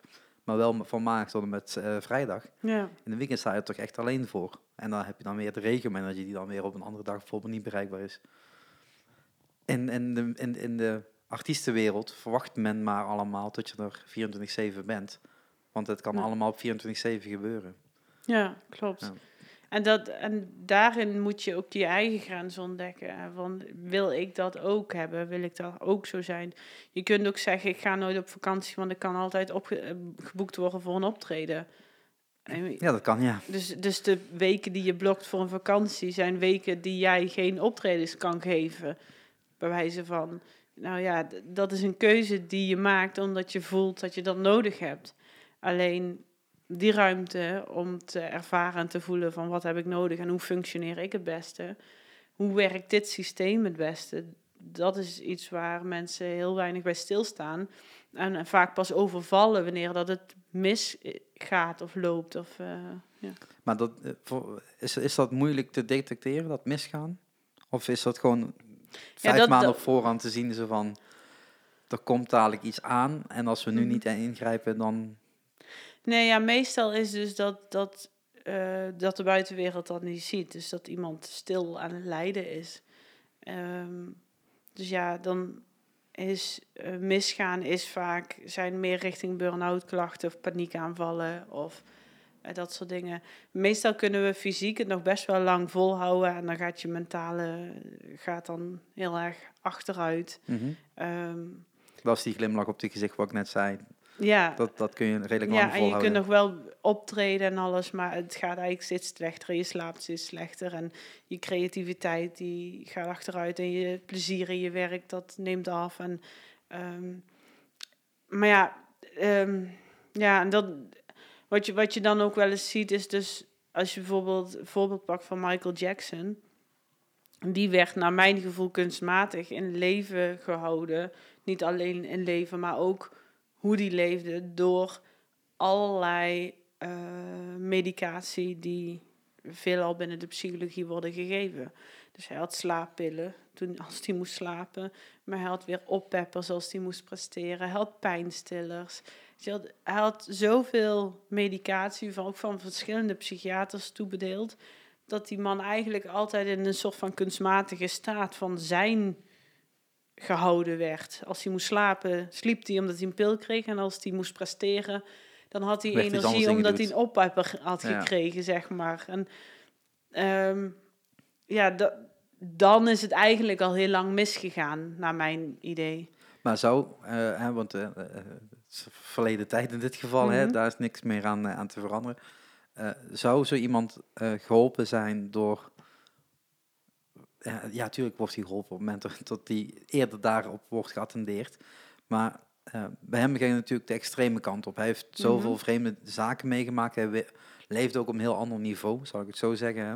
Zijn Mhm. sterrenstatus, dat zijn heel veel artiesten in Nederland eh, niet toebedeeld. Mhm, Hè, die worden binnen Nederland herkend, maar mhm. eh, hij kan een heel klein dorpje al niet meer binnen, destijds niet meer binnenlopen. Of hij werd herkend. Zijn er dan eh, grote verschillen tussen, tussen de statussen, zal ik het zo vragen? Tussen de, de, de, de grootste Nederlandse artiesten en degene die inderdaad op dat kamertje in, in Utrecht leven? Of zijn die problemen dan ook hetzelfde? Ehm, nou, ik denk dat die problemen wel verschillend zijn. Eh, omdat zolang dat je aan het proberen bent om door te breken, dan loop je juist meer er tegenaan dat het niet wil lukken. Maar dan heb je vaak wel alle ruimte voor creativiteit en voor dingen te maken. Alleen dan is het vaak een probleem van niet voldoende bereik hebben, niet de juiste personen die in je geloven, niet de erkenning krijgen voor het werk wat je verricht. Maar op het moment dat je dus juist doorgebroken bent, dan zijn dat helemaal geen problemen waar je tegenaan loopt. Dan loop je juist veel meer tegen eh, die bekendheid aan. En ook het, dan moet je doorpakken. Ja, als je je eerste album maakt, dan zie je vaak dat mensen daar heel lang over doen. Want ze kunnen dat fine-tunen, dit en dat, weet je wel. Dus, en dat is vanuit heel vaak van heel veel creativiteit en inspiratie is dat gemaakt. Nou, dan zegt een producer, oh, dat is vet, die willen we nog één. Over een half jaar mag je die klaar hebben. En dat is natuurlijk iets, meteen iets heel anders werken. Want dan moet je dus over een half jaar moet je iets op de planken hebben liggen. Dan komt er opeens een druk bij kijken die je voorheen nog niet had. Precies, en er zijn mensen die verwachten iets van je en ze, ze zijn afhankelijk van je. En dat was voorheen, was dat juist nog niet. Terwijl het toen natuurlijk heel frustrerend was dat je nog niet de erkenning kreeg voor je talent die waar je wel ergens in geloofde. Dus dat zijn juist, denk ik, twee heel verschillende mechanismen. Maar ik weet ook niet, als je als mens op een gezonde manier het succes kunt hebben, zoals zo'n Michael Jackson, zonder dat je dus inderdaad soort van kunstmatig in bepaalde staten wordt gehouden. Maar dat is dan inderdaad de, de supersterre kant inderdaad, tot het dan noodzakelijk is. Ehm, tegenwoordig kun je ook heel veel op eigen medicatie werken, zal ik het zo Mhm. zeggen. Heel veel is vrij verkrijgbaar en nootropica's is natuurlijk groot. Ik gebruik Mhm. het zelf ook. Nu, ja, wel vanochtend, vanochtend wel een aantal dingen gepakt, maar niet, niet voor energieboost, Mhm. voor de verandering. Ehm, kom je daar ook mee eh, eh, tot artiesten? Dus niet zozeer het, het, het eh, verslavingskanten is, maar meer het feit van... Ik heb het nu allemaal zo zelf gefixt, maar Mhm. ik ben totaal de, de weg kwijt. Of krijg je... Nou ja, ik denk ook dat het ehm, dat gebruik nooit begint met verslaafd. Punt. Dat, dat gebeurt bijna niet. Het, heeft, het is altijd, bijna altijd is het, wordt het gebruikt omdat het een functie heeft. Ja. Omdat het je iets geeft. En dat, ehm dat hebben drank en drugs, maar dat hebben ook andere dingen in het leven. Ja. Wij denken altijd bij verslavingen of bij middelen gebruik die niet altijd misschien even gezond zijn, denken we vooral aan drank of drugs.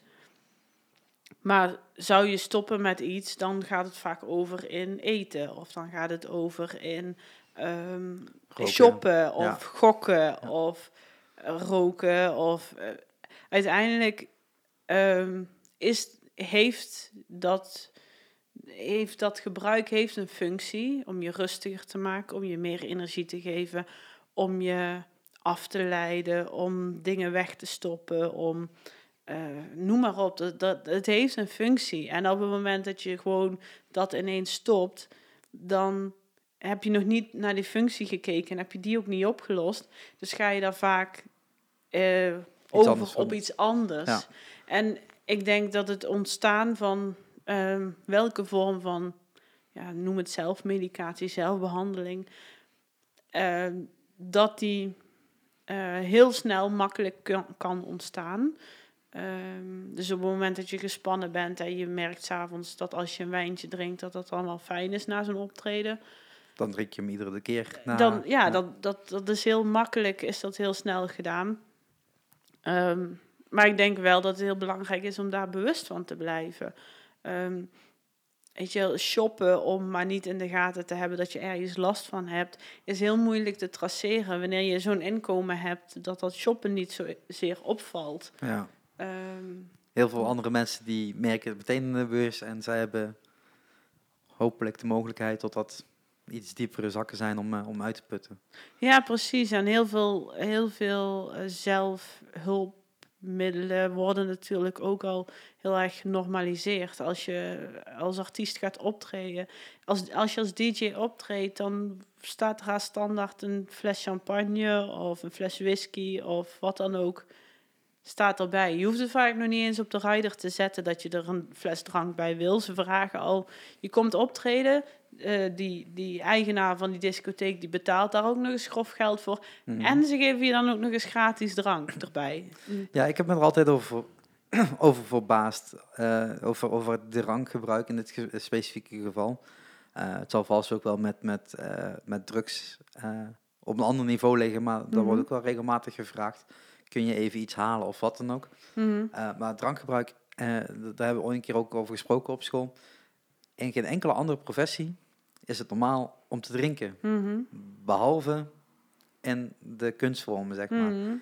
Tot daar inderdaad zoveel alcohol door, doorheen gaat. Ja, ik drink niet. Totaal niet.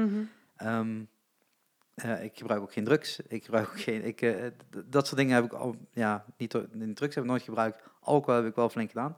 Maar ehm, op een gegeven moment merk je van... Het is niet nodig. Ook niet om Mhm. te presteren. En dat vind ik inderdaad heel vreemd tot anderen zeggen van... Ja, maar ik heb het, ik heb het nodig. Ik heb, ik heb een biertje nodig om op het podium te staan. Misschien moet je niet op een podium staan. Mhm. Klinkt heel stom, maar als dat de enige is, maar het- Ja.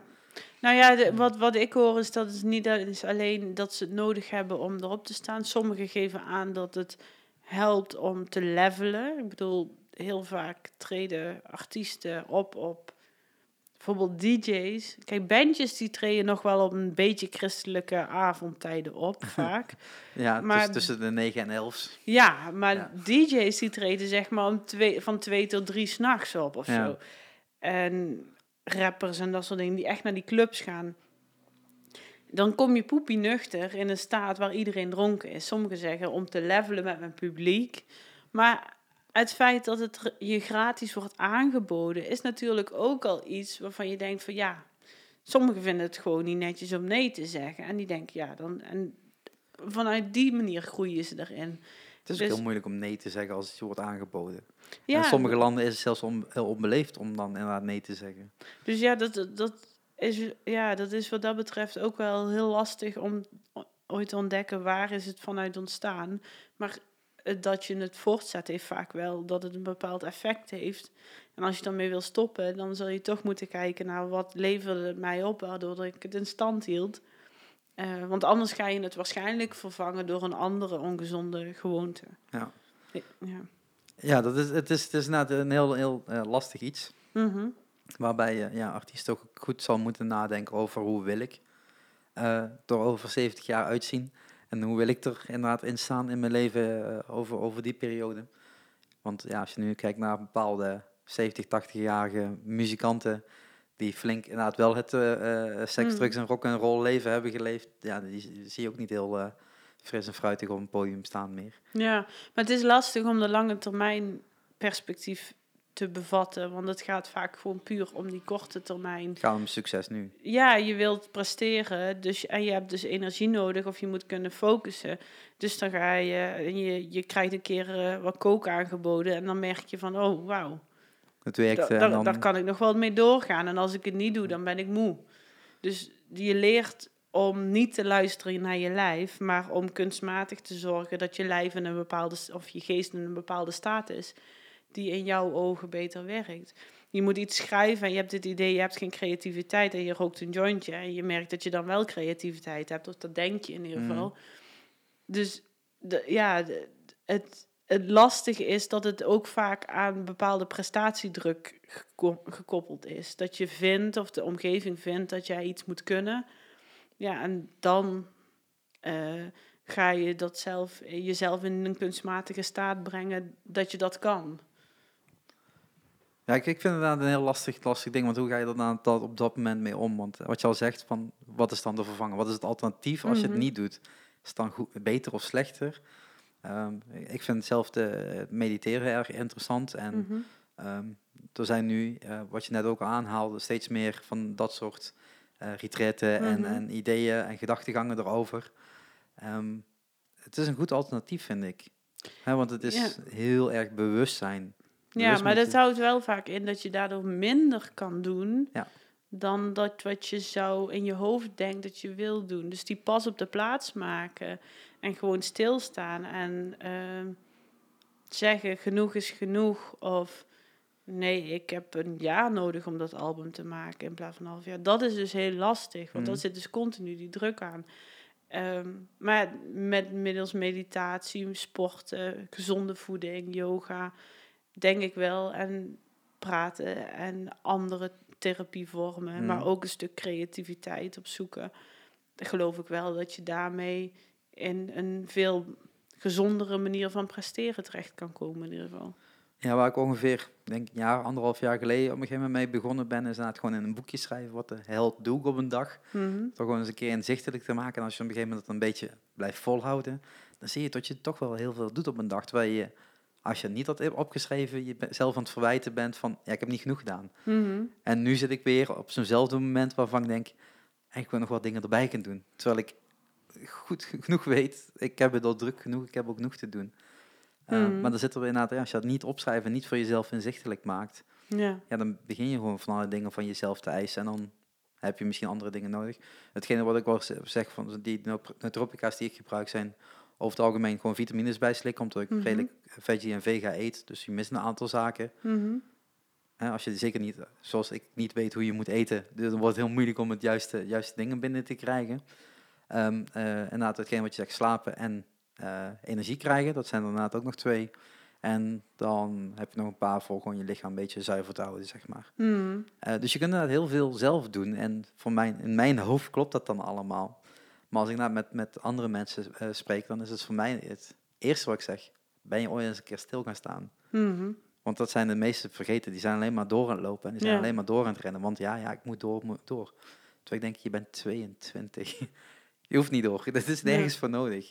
Ja, er heerst op dit moment een allergie op stilstaan. Ja, Dus ik, ik zeg dat in mijn praktijk ook wel heel vaak. Ik zeg, ik zeg, de neiging die ik heb is om jou te adviseren dat je nou in een veld gaat zitten en daar gewoon gaat zitten. Ja, en dan, waar moet ik dan naartoe? Wat moet ik dan doen, weet je? niks. Niks. Laat, laat gewoon eens zijn wat er is. En wat is er dan? En als er niks gebeurt, is dat ook oké. En, Ja. en de- de- het is wel een, een, een... Dat denk ik wel dat dat in de jongere generatie op dit moment heel erg een ding is. Dat het allemaal maar vooruit moet. En dat het snel moet. En dat je door moet. En... ehm, en dat we eigenlijk zelfs een beetje bang zijn geworden voor dat wat er kan zijn op het moment dat er niks is. Dus wat, wat, wat komt er dan in godsnaam naar boven als dat we niet presteren, als we niks doen, op het moment dat we stilstaan? Een van de eerste dingen die ik daar altijd over hoor als ik het daarover heb, ehm, is geld. Mhm. Ja, maar dan, dan, dan verdien ik geen geld. Ja, en dan Mhm. verdien je geen geld met dat wat je nu doet. Misschien zijn er andere opties. Mhm. Maar dan moet je heel eerst voor gaan stilstaan om dan eens te gaan bekijken. Ja. En dat is heel eng en ik snap het ook wel. En zeker als je eh, echt geen geld hebt, gelukkig heb ik die periode nog niet meegemaakt. Maar als je echt geen geld hebt, dan, ja, dan moet je dingen. Dan, je Mhm. moet ergens geld maken. En dan denk ik van, ja, de steun in de overheid is dan ook redelijk beperkt. Hè? Mhm. Je hebt wel een paar opvangnetten, maar toen ik zei ik wil gaan studeren, maar ik ben boven de 30, toen zeiden ze ook ja, veel plezier, geen, maar wij geven je niks meer. ja. Ehm, terwijl als je 18 bent tot 30 is geen enkel probleem. Al het geld wat je wilt lenen, mag je lenen. Ehm, dus dat, er zit ook wel natuurlijk wat beperkingen in. Maar inderdaad, ja, ga, zo, ga, ga eens kijken wat je echt wilt en dat onderzoeken. En dat geldt Mhm. voor iedereen. Dat is niet zozeer alleen arti eh, artiesten gericht Ja. natuurlijk, maar geldt voor iedereen. Ik had laatst had ik een artiest die ehm, liet me ook een stukje luisteren van een nummer waar hij mee bezig was. En er- het ging ook over waar dat we het over hadden. En eh, hij had het over dat hij eh, aan het lopen was in cirkels. Dat hij alleen maar in cirkels aan het lopen was. Weet je, dus je zit in een visuele cirkel waar je niet uitkomt. Zeg, ja, misschien moet je stoppen met lopen. Misschien moet je gewoon stil Ja. gaan staan. Weet je, alleen al... Ik zie het dan heel visueel Ja, ja. voor me. Ja, als je door blijft lopen, ja, dan ben je gewoon een gat aan het graven van ja, met je eigen schoenen. Ja, En je komt alleen maar dieper en dieper te zitten. En hoe kom ik hier uit? Nou ja, als je in ieder geval al stopt met lopen, met continu vooruit gaan, dan maak je je gat in ieder geval niet nog dieper, zeg maar. Ja. En dat, eh, eh, ja, dat symboliseert wel een beetje dat, dat mensen inderdaad alleen maar in de oplossingen zoeken door nog steeds meer actiegericht en nog meer vooruit en nog meer opvulling. En ga maar eens gewoon stilstaan en doen en zijn. En wat, wat, wat ik daar ook heel erg belangrijk aan vind en heel erg mooi vind, en eigenlijk misschien ook wel heel jammer dat, dat, dat, zo, dat ik dat zo vaak moet adviseren, is dus dat, dat mensen het heel raar zijn gaan vinden om met zichzelf bezig te zijn. We zijn, weet je, we investeren heel veel in onze relaties met anderen, in vriendschappen, in je relaties, in je werk. Maar hoeveel investeer je in jezelf? Hoeveel tijd neem je om naar jezelf te luisteren, om naar jezelf te kijken, om dingen te doen die jou op dat moment voldoening geven, ook al dragen ze aan niks bij in het leven, behalve dat je het leuk vindt om te doen. Mhm. Even gewoon alleen, niet met anderen. Hoeveel, hoeveel mensen maken stedentripjes in een eentje? Hoeveel mensen doen dingen op hunzelf? Terwijl je 24 uur per dag met jezelf zit. Dus dan zou het toch hartstikke mooi zijn als mensen zichzelf op de eerste plaats zetten en Ja, blij werd, zijn om met vroeger werd het natuurlijk heel erg, eh, dan werd het heel erg eh, eh, ego. Werd heel erg, hè? Je, mag niet, je mag jezelf niet centraal stellen, terwijl het eigenlijk, Mhm. en wat je al aangeeft, je bent 24 uur met jezelf sowieso. Dus Mhm. ja, waarom sta jij niet centraal?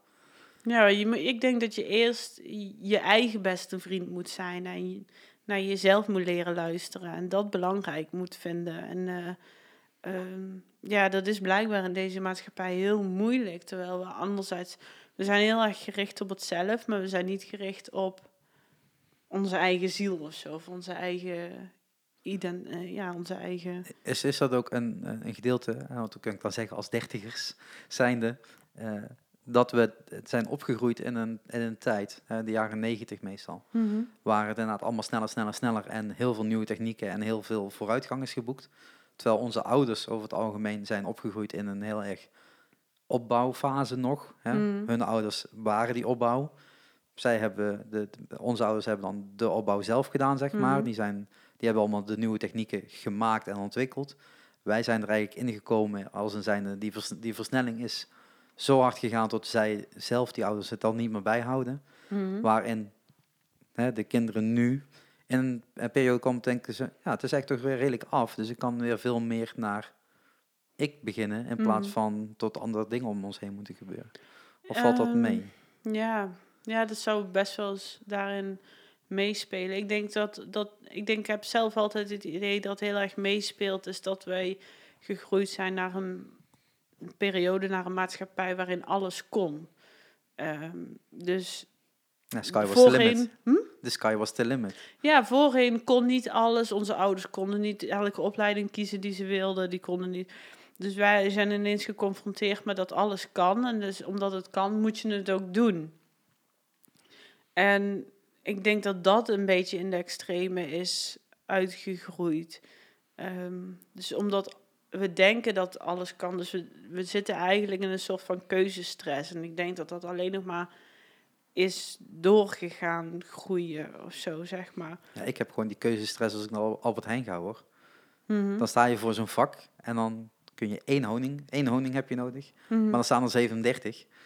Eh, Geef me gewoon één honing, dan ben ik tevreden. Ik bedoel, dat meer hoef je niet te ja, hebben. en de, als je dan kijkt naar vroeger, dan heb je natuurlijk wel dat mensen toen veel meer bezig waren met activiteiten waarin ze wel met zichzelf bezig Mhm. waren. Dat klinkt misschien heel stom, maar eh, omdat de wereld veel kleiner was en veel minder gericht was op de beoordeling van anderen.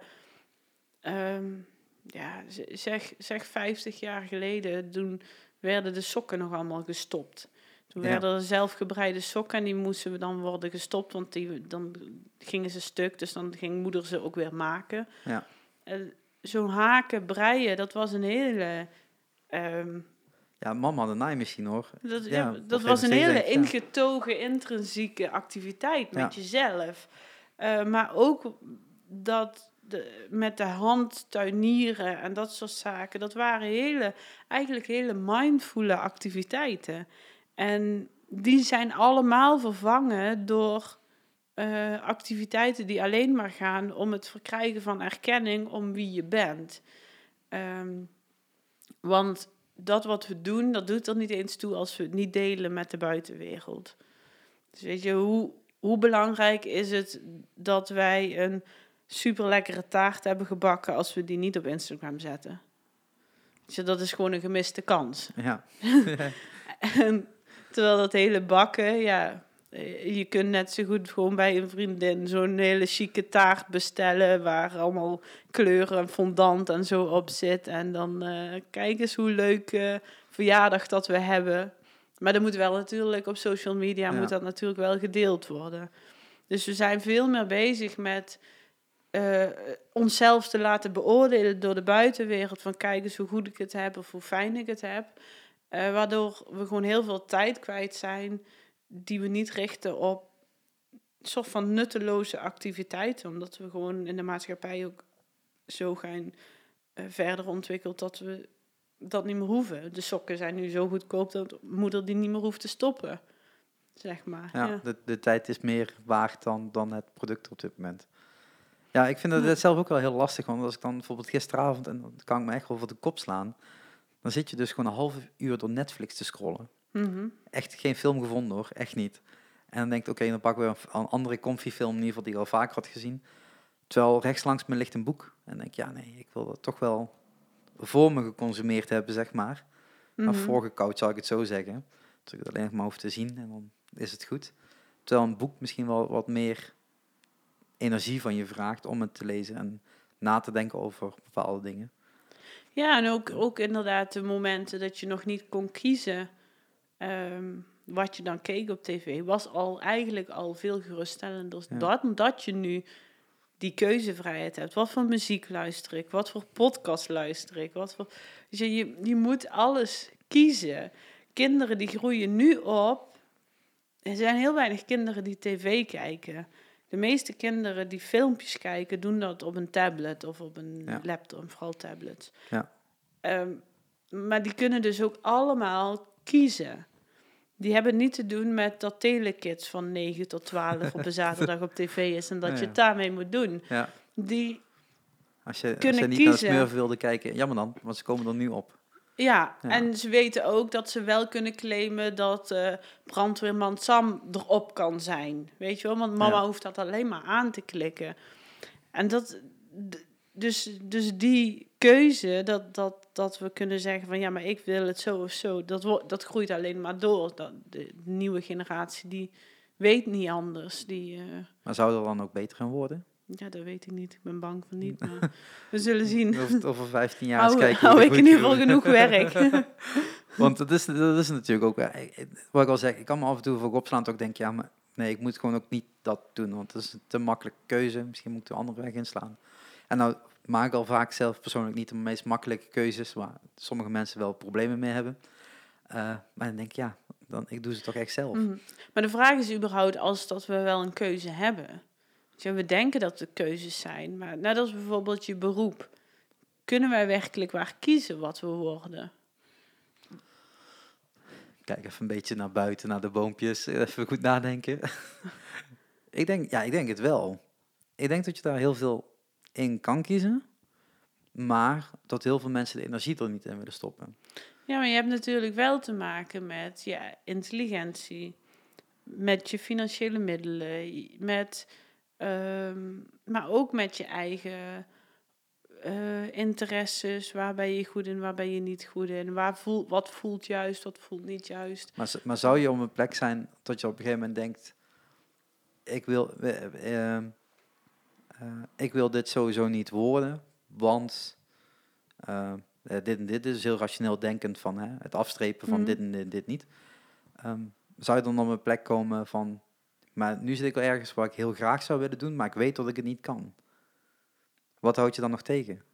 Wel, Mhm. Welke, welke eh, struikelblokken zijn er dan waar niet iets opvindbaar is?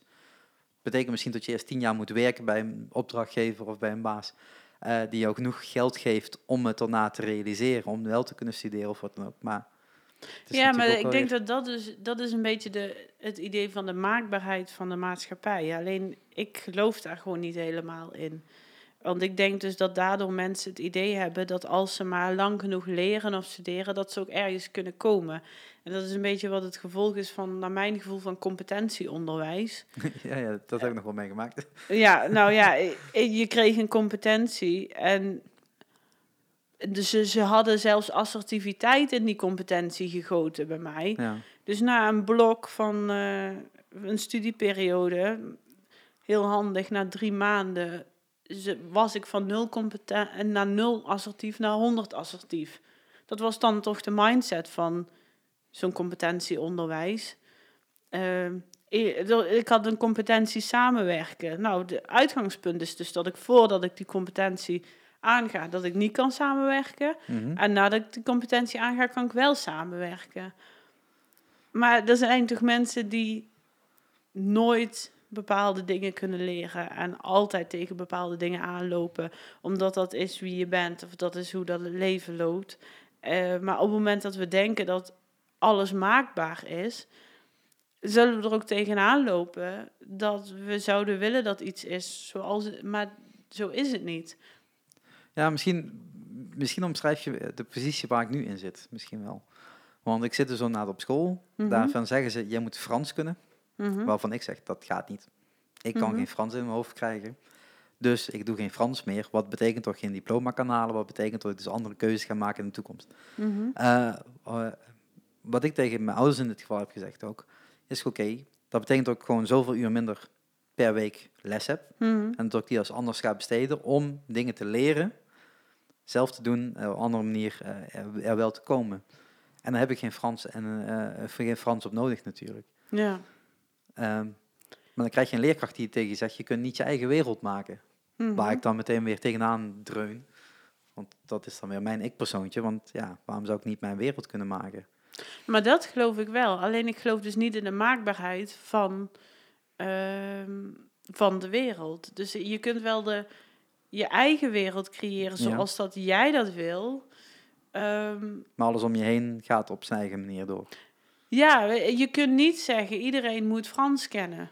Punt. Ja, want, volgens want dat wel, is, ja. dat ja. is Nee. gewoon niet zo. Dus op het moment dat wij denken dat we allemaal extravert moeten zijn, dat kan niet. Nee. Op het moment dat we denken dat als wij een half jaar in een coachingstraject gaan, dat we daarna zelfvertrouwen hebben, dat is de grootste onzin. Weet je, want daar komen we nooit. Misschien hebben we dan toevallig dan een hele boost zelfvertrouwen, maar die kelderde jaar later met een andere levensgebeurtenis vast wel weer in. Alleen wij lijken te werken naar, ik sta nu hier en als ik die training volg en als ik dat onderwijs volg, als die, dan sta ik dadelijk daar. Dan snap ik het leven, dan weet ik hoe het in elkaar zit, dan maak je mij niks meer wijs. En dan ben ik ultiem gelukkig. Maar dat is niet. Dat is niet Nee. op die manier in ieder geval. Nee, weet Nee. je, ik denk dat ultiem geluk juist is wanneer je intens ongelukkig kan zijn. Pas wanneer dat je juist durft te accepteren dat het leven zo is, Mhm. dan denk ik dat je pas komt tot een bepaalde eh, rust en bezinning en acceptatie van het leven.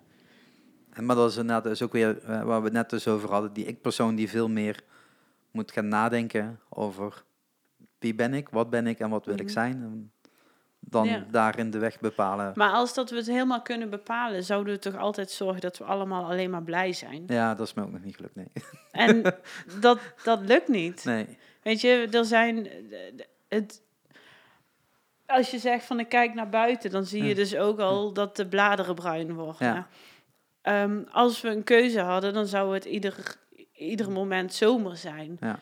Maar de jaargetijden zijn nodig om ons leven in stand te houden. Ja. Dus het is nodig dat we soms in het leven dat de bladeren vallen, of dat het koud is, of dat het guur is, of dat er storm is, of dat het onrustig is.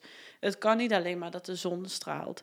Alleen op het Ja. moment dat wij blijven denken vanuit, oké, ik wil naar een bepaalde staat leven, dan leven we allemaal naar een mooie zomerdag. Maar dan zijn we dus ook teleurgesteld en aan het vechten op het moment dat er een dag sneeuw valt. Ja, Dat- dat, is inderdaad wel, dat is wel heel mooi gezegd, moet, ik- moet ik zeggen. Eh, wat ik op een gegeven moment eh, bedacht in mijn leven, en dat, eh, daar is, dat is dan twee, tweedelig, denk ik wel. Ehm, eh, ik had een 24-7-regel. Als er Mhm. iets heel extreems goeds gebeurt, dan, begint, dan is binnen 24, eh, binnen 24 uur ook weer iets heel negatiefs. Mhm, Eh, wat altijd uitkwam, want als je daarna gaat leven, komt alles uit natuurlijk. mhm. Eh, en aan de andere kant heb ik op een gegeven moment besloten, ik wil gewoon altijd op zijn nul level zitten. Ik wil niet meer pieken of dalen hebben. Want ja, ik, ik trok dat niet op een of andere manier. Dus op een gegeven moment dacht ik van, nou oké, als nu alles gewoon matig is.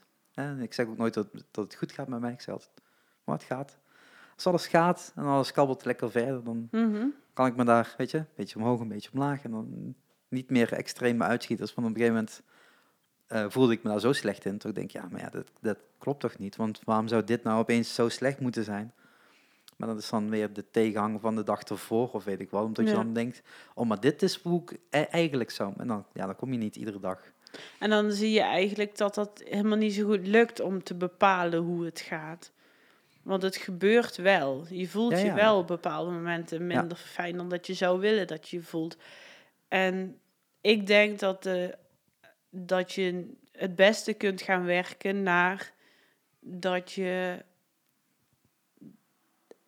Ehm, hoe jij het nou benadert, dat klinkt alsof je het nog vrij benadert, alsof jij dus, en dat heeft dan in die maakbaarheid Ja. van de leven te maken, van de wereld, dat jij kan bepalen, maar het leven bepaalt. Ja. En daarin mogen we veel luier zijn en achterover liggen, want de golven komen toch. Ja.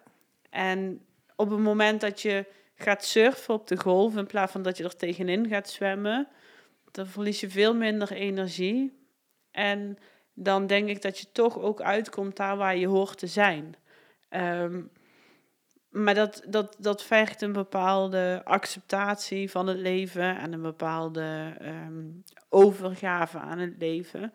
Ehm, want we kunnen allemaal bedenken hoe dat het moet lopen. Maar dan komen er toch altijd weer dingen die goed in het eten gooien. waar, ja. En dan zijn we heel veel energie kwijt om daartegen te vechten. En als je ze durft te omarmen en te luisteren en te vertrouwen op dat het leven iets met jou in petto heeft, dan geloof ik dat we komen op de plek waar we horen te zijn. Ehm, dus en dat is een beetje spiritueel, maar ik geloof daar wel in. En ik denk dat hoe meer dat we eh, achterover durven leunen, hoe meer signalen er komen dat we daar waar jij hoort te zijn. Dat wat bij jou past, dat wat voor jou goed voelt, de kansen die er komen. De, eh, en ook dus de dingen waar je heel erg in wil investeren. En de dingen waar je heel erg gelukkig van wordt, die komen dan naar mijn gevoel vanzelf op je pad. En dan moet je ook de innerlijke rust hebben om ze te zien. En dus inderdaad ook die kansen natuurlijk te omarmen en te grijpen. Ja. Ehm, ja, met, eh, heb jij nog vragen aan mij? heb je nog dingen die je ik wilt vond zeggen? het een mooi gesprek. Ja, toch? Het, Ja, ik het begon over de artiesten en uiteindelijk ging het nog meer over het hele leven. Ja, dat Ja. is goed. Want artiesten zijn ook onderdeel van het leven. Ja. Ja, toch? Ehm, waar, eh, waar kunnen mensen jou eh, vinden? Ehm, Buiten een mail en een weg. Ja, nou ja, ik heb sowieso een website waar ze mij informatie op kunnen vinden. Eh www.artiestenpsychologie.nl Ja, die zet ik ook even in de show notes. Ja, ehm, daar staat op zich alle informatie op. Naast dat ik dus in een- mijn praktijk werk, hier in Limburg, werk ik ook twee dagen in de week in de Randstad. Dus regio Utrecht, Amsterdam. Kom ik bij managementbureaus op kantoor, kom ik bij artiesten thuis. Ehm, en daarnaast werk ik ook via Skype. Ik heb mensen die ehm, op dit moment wel allemaal evengoed van oorsprong Nederlanders, maar wel mensen die ook in het buitenland wonen eh, die ik via Skype begeleid. Ehm, maar ik heb in het verleden bijvoorbeeld ook iemand die in Friesland woont via Skype begeleid, want die afstand is ook wel erg lastig. Ja. Dus eh, ook, ja, Voor een hele andere declaratie op zo'n moment. ja, maar, maar evidence-based is eigenlijk ook via Skype is, is, is een begeleiding is net zo effectief als Ja. face-to-face. Dus dat zijn wel mooie resultaten. Dus ehm, ja, waar je me letterlijk kan vinden is door het hele land en digitaal daar zelfs buiten. En, eh, ehm, Ja, ik zal in ieder geval even een linkje zetten naar je Insta. Ja, want die, eh, eh, eh, en naar je Facebook natuurlijk. mhm. Daar post je ook altijd hele mooie quotes op en dingetjes op. Wat een beetje in deze lijn ligt van alles wat we net, net gezegd hebben. ja. Dus daar kunnen mensen je op vinden. Geef sowieso een like. ehm, en ja, ik denk dat dat dan een mooie afronding daarin is. Dan moet ik nog wel even iets voor mezelf weer gaan pluggen. Dat gebeurt af en toe. Want eh 13 november, even uit mijn hoofd, ja 13 november, zou heel slecht zijn als ik het niet weet. Eh, dan gaan we een nieuwe AC, eh, in de, AC voor mij, nieuwe Shark Sessions live in de AC houden, zo moet ik het zeggen. In de AC Cultuurfabriek in Roermond. Eh, daar kun je gewoon gratis naartoe. En dit keer komt Charlie Hall uit de UK, komt over. Vanaf 8 uur is het open, half negen beginnen we.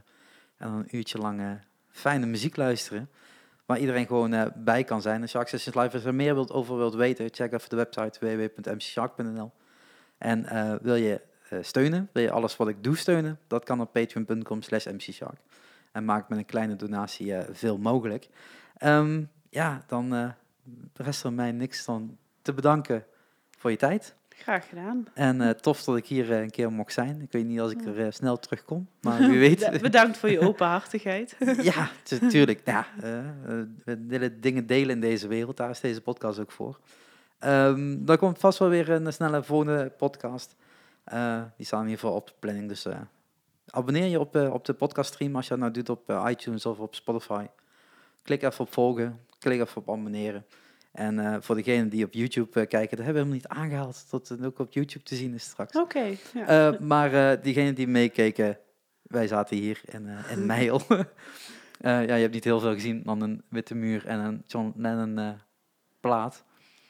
Maar toch, hè, was weer leuk om het in ieder geval weer met beeld eh, erbij te doen. Bedankt voor het luisteren en eh, tot een volgende keer. Hoi!